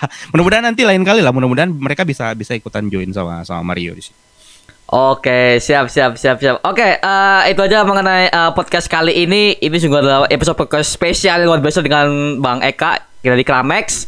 Semoga kita bisa lagi lah kita collab lagi dengan bahas DC Marvel mungkin ada kesempatan mungkin gue bisa datang ke channel Bang Eka atau Ya gue mau undang dulu ya. Oke. Tapi nanti pada kalau kalau misalnya gue udah mulai eh, sehat, udah mulai bisa ini bisa lancar ngomong ini, gue aja dari tadi iya ya kelihatan, kelihatan banget sih itu waduh Bang Eka Kelihatan kan? kelihatan banget kelihatan banget itu waduh Bang Eka harus istirahat sih itu sih. Harus ini, ini istirahat, masih ini gak sih? Gue ngerti banget sih kalau masih. Karena gue juga pernah ngerasa sesak pak jadi gue tahu rasanya gimana sih. Ya, itulah kalau kalau ya gue bilang aja ya, gue gue kena bronkitis, jadi oh belum memang memang butuh ini, memang butuh recovery yang agak panjang. Oh, Oke oke siap siap siap enggak makanya gua harapin Kerames bisa tampil lagi lah di YouTube lah karena kita udah nungguin nih Kerames kenapa nggak upload upload nih. Iya, aduh, agak sulit, tapi mudah-mudahan mudah-mudahan bulan ini udah udah mulai ini lagi, udah mulai kerja lagi, meskipun belum bisa seproduktif kayak dulu, cuman mudah-mudahan udah bisa mulai ini lagi, udah mulai bisa bisa konten lagi. Oh, Ini konten pertama gue sebenarnya. Waduh. Tapi kan Bang Bang Eka kan udah punya acara podcast sendiri nih. Aduh, gua gua aduh, gua pengen join nih. Waduh. Mudah-mudahan deh lain kali ya Mario ya. Oke, siap siap siap. Thank you Baik Kak. Thank you banget dan semuanya kalau udah nonton dari awal sampai akhir. Wow, dulu lu bagus sih 2 jam Pak kita podcast. Ya gue kerasa ya dua jam. Gak kerasa Pak, karena saking serunya Pak. Aduh. Itu gara-gara mungkin kita sama-sama ngefans sama Batman ya. Eh, iya, sama bahas MCU MCU dikit kan bahas Loki, Spider-Man udah roasting Iya, semua. Iya, iya, iya, itu dia, itu dia. Oke, oke, thank you Baika, thank you juga buat kalian semua dan jangan lupa untuk subscribe channel ini karena setiap kali gua akan membuat video seperti ini untuk kalian, oke? Dan thank you banget, thank you banget buat Baika di Kramex. Aduh, thank you banget. Oke, sampai jumpa di video berikutnya. Adios. Woohoo!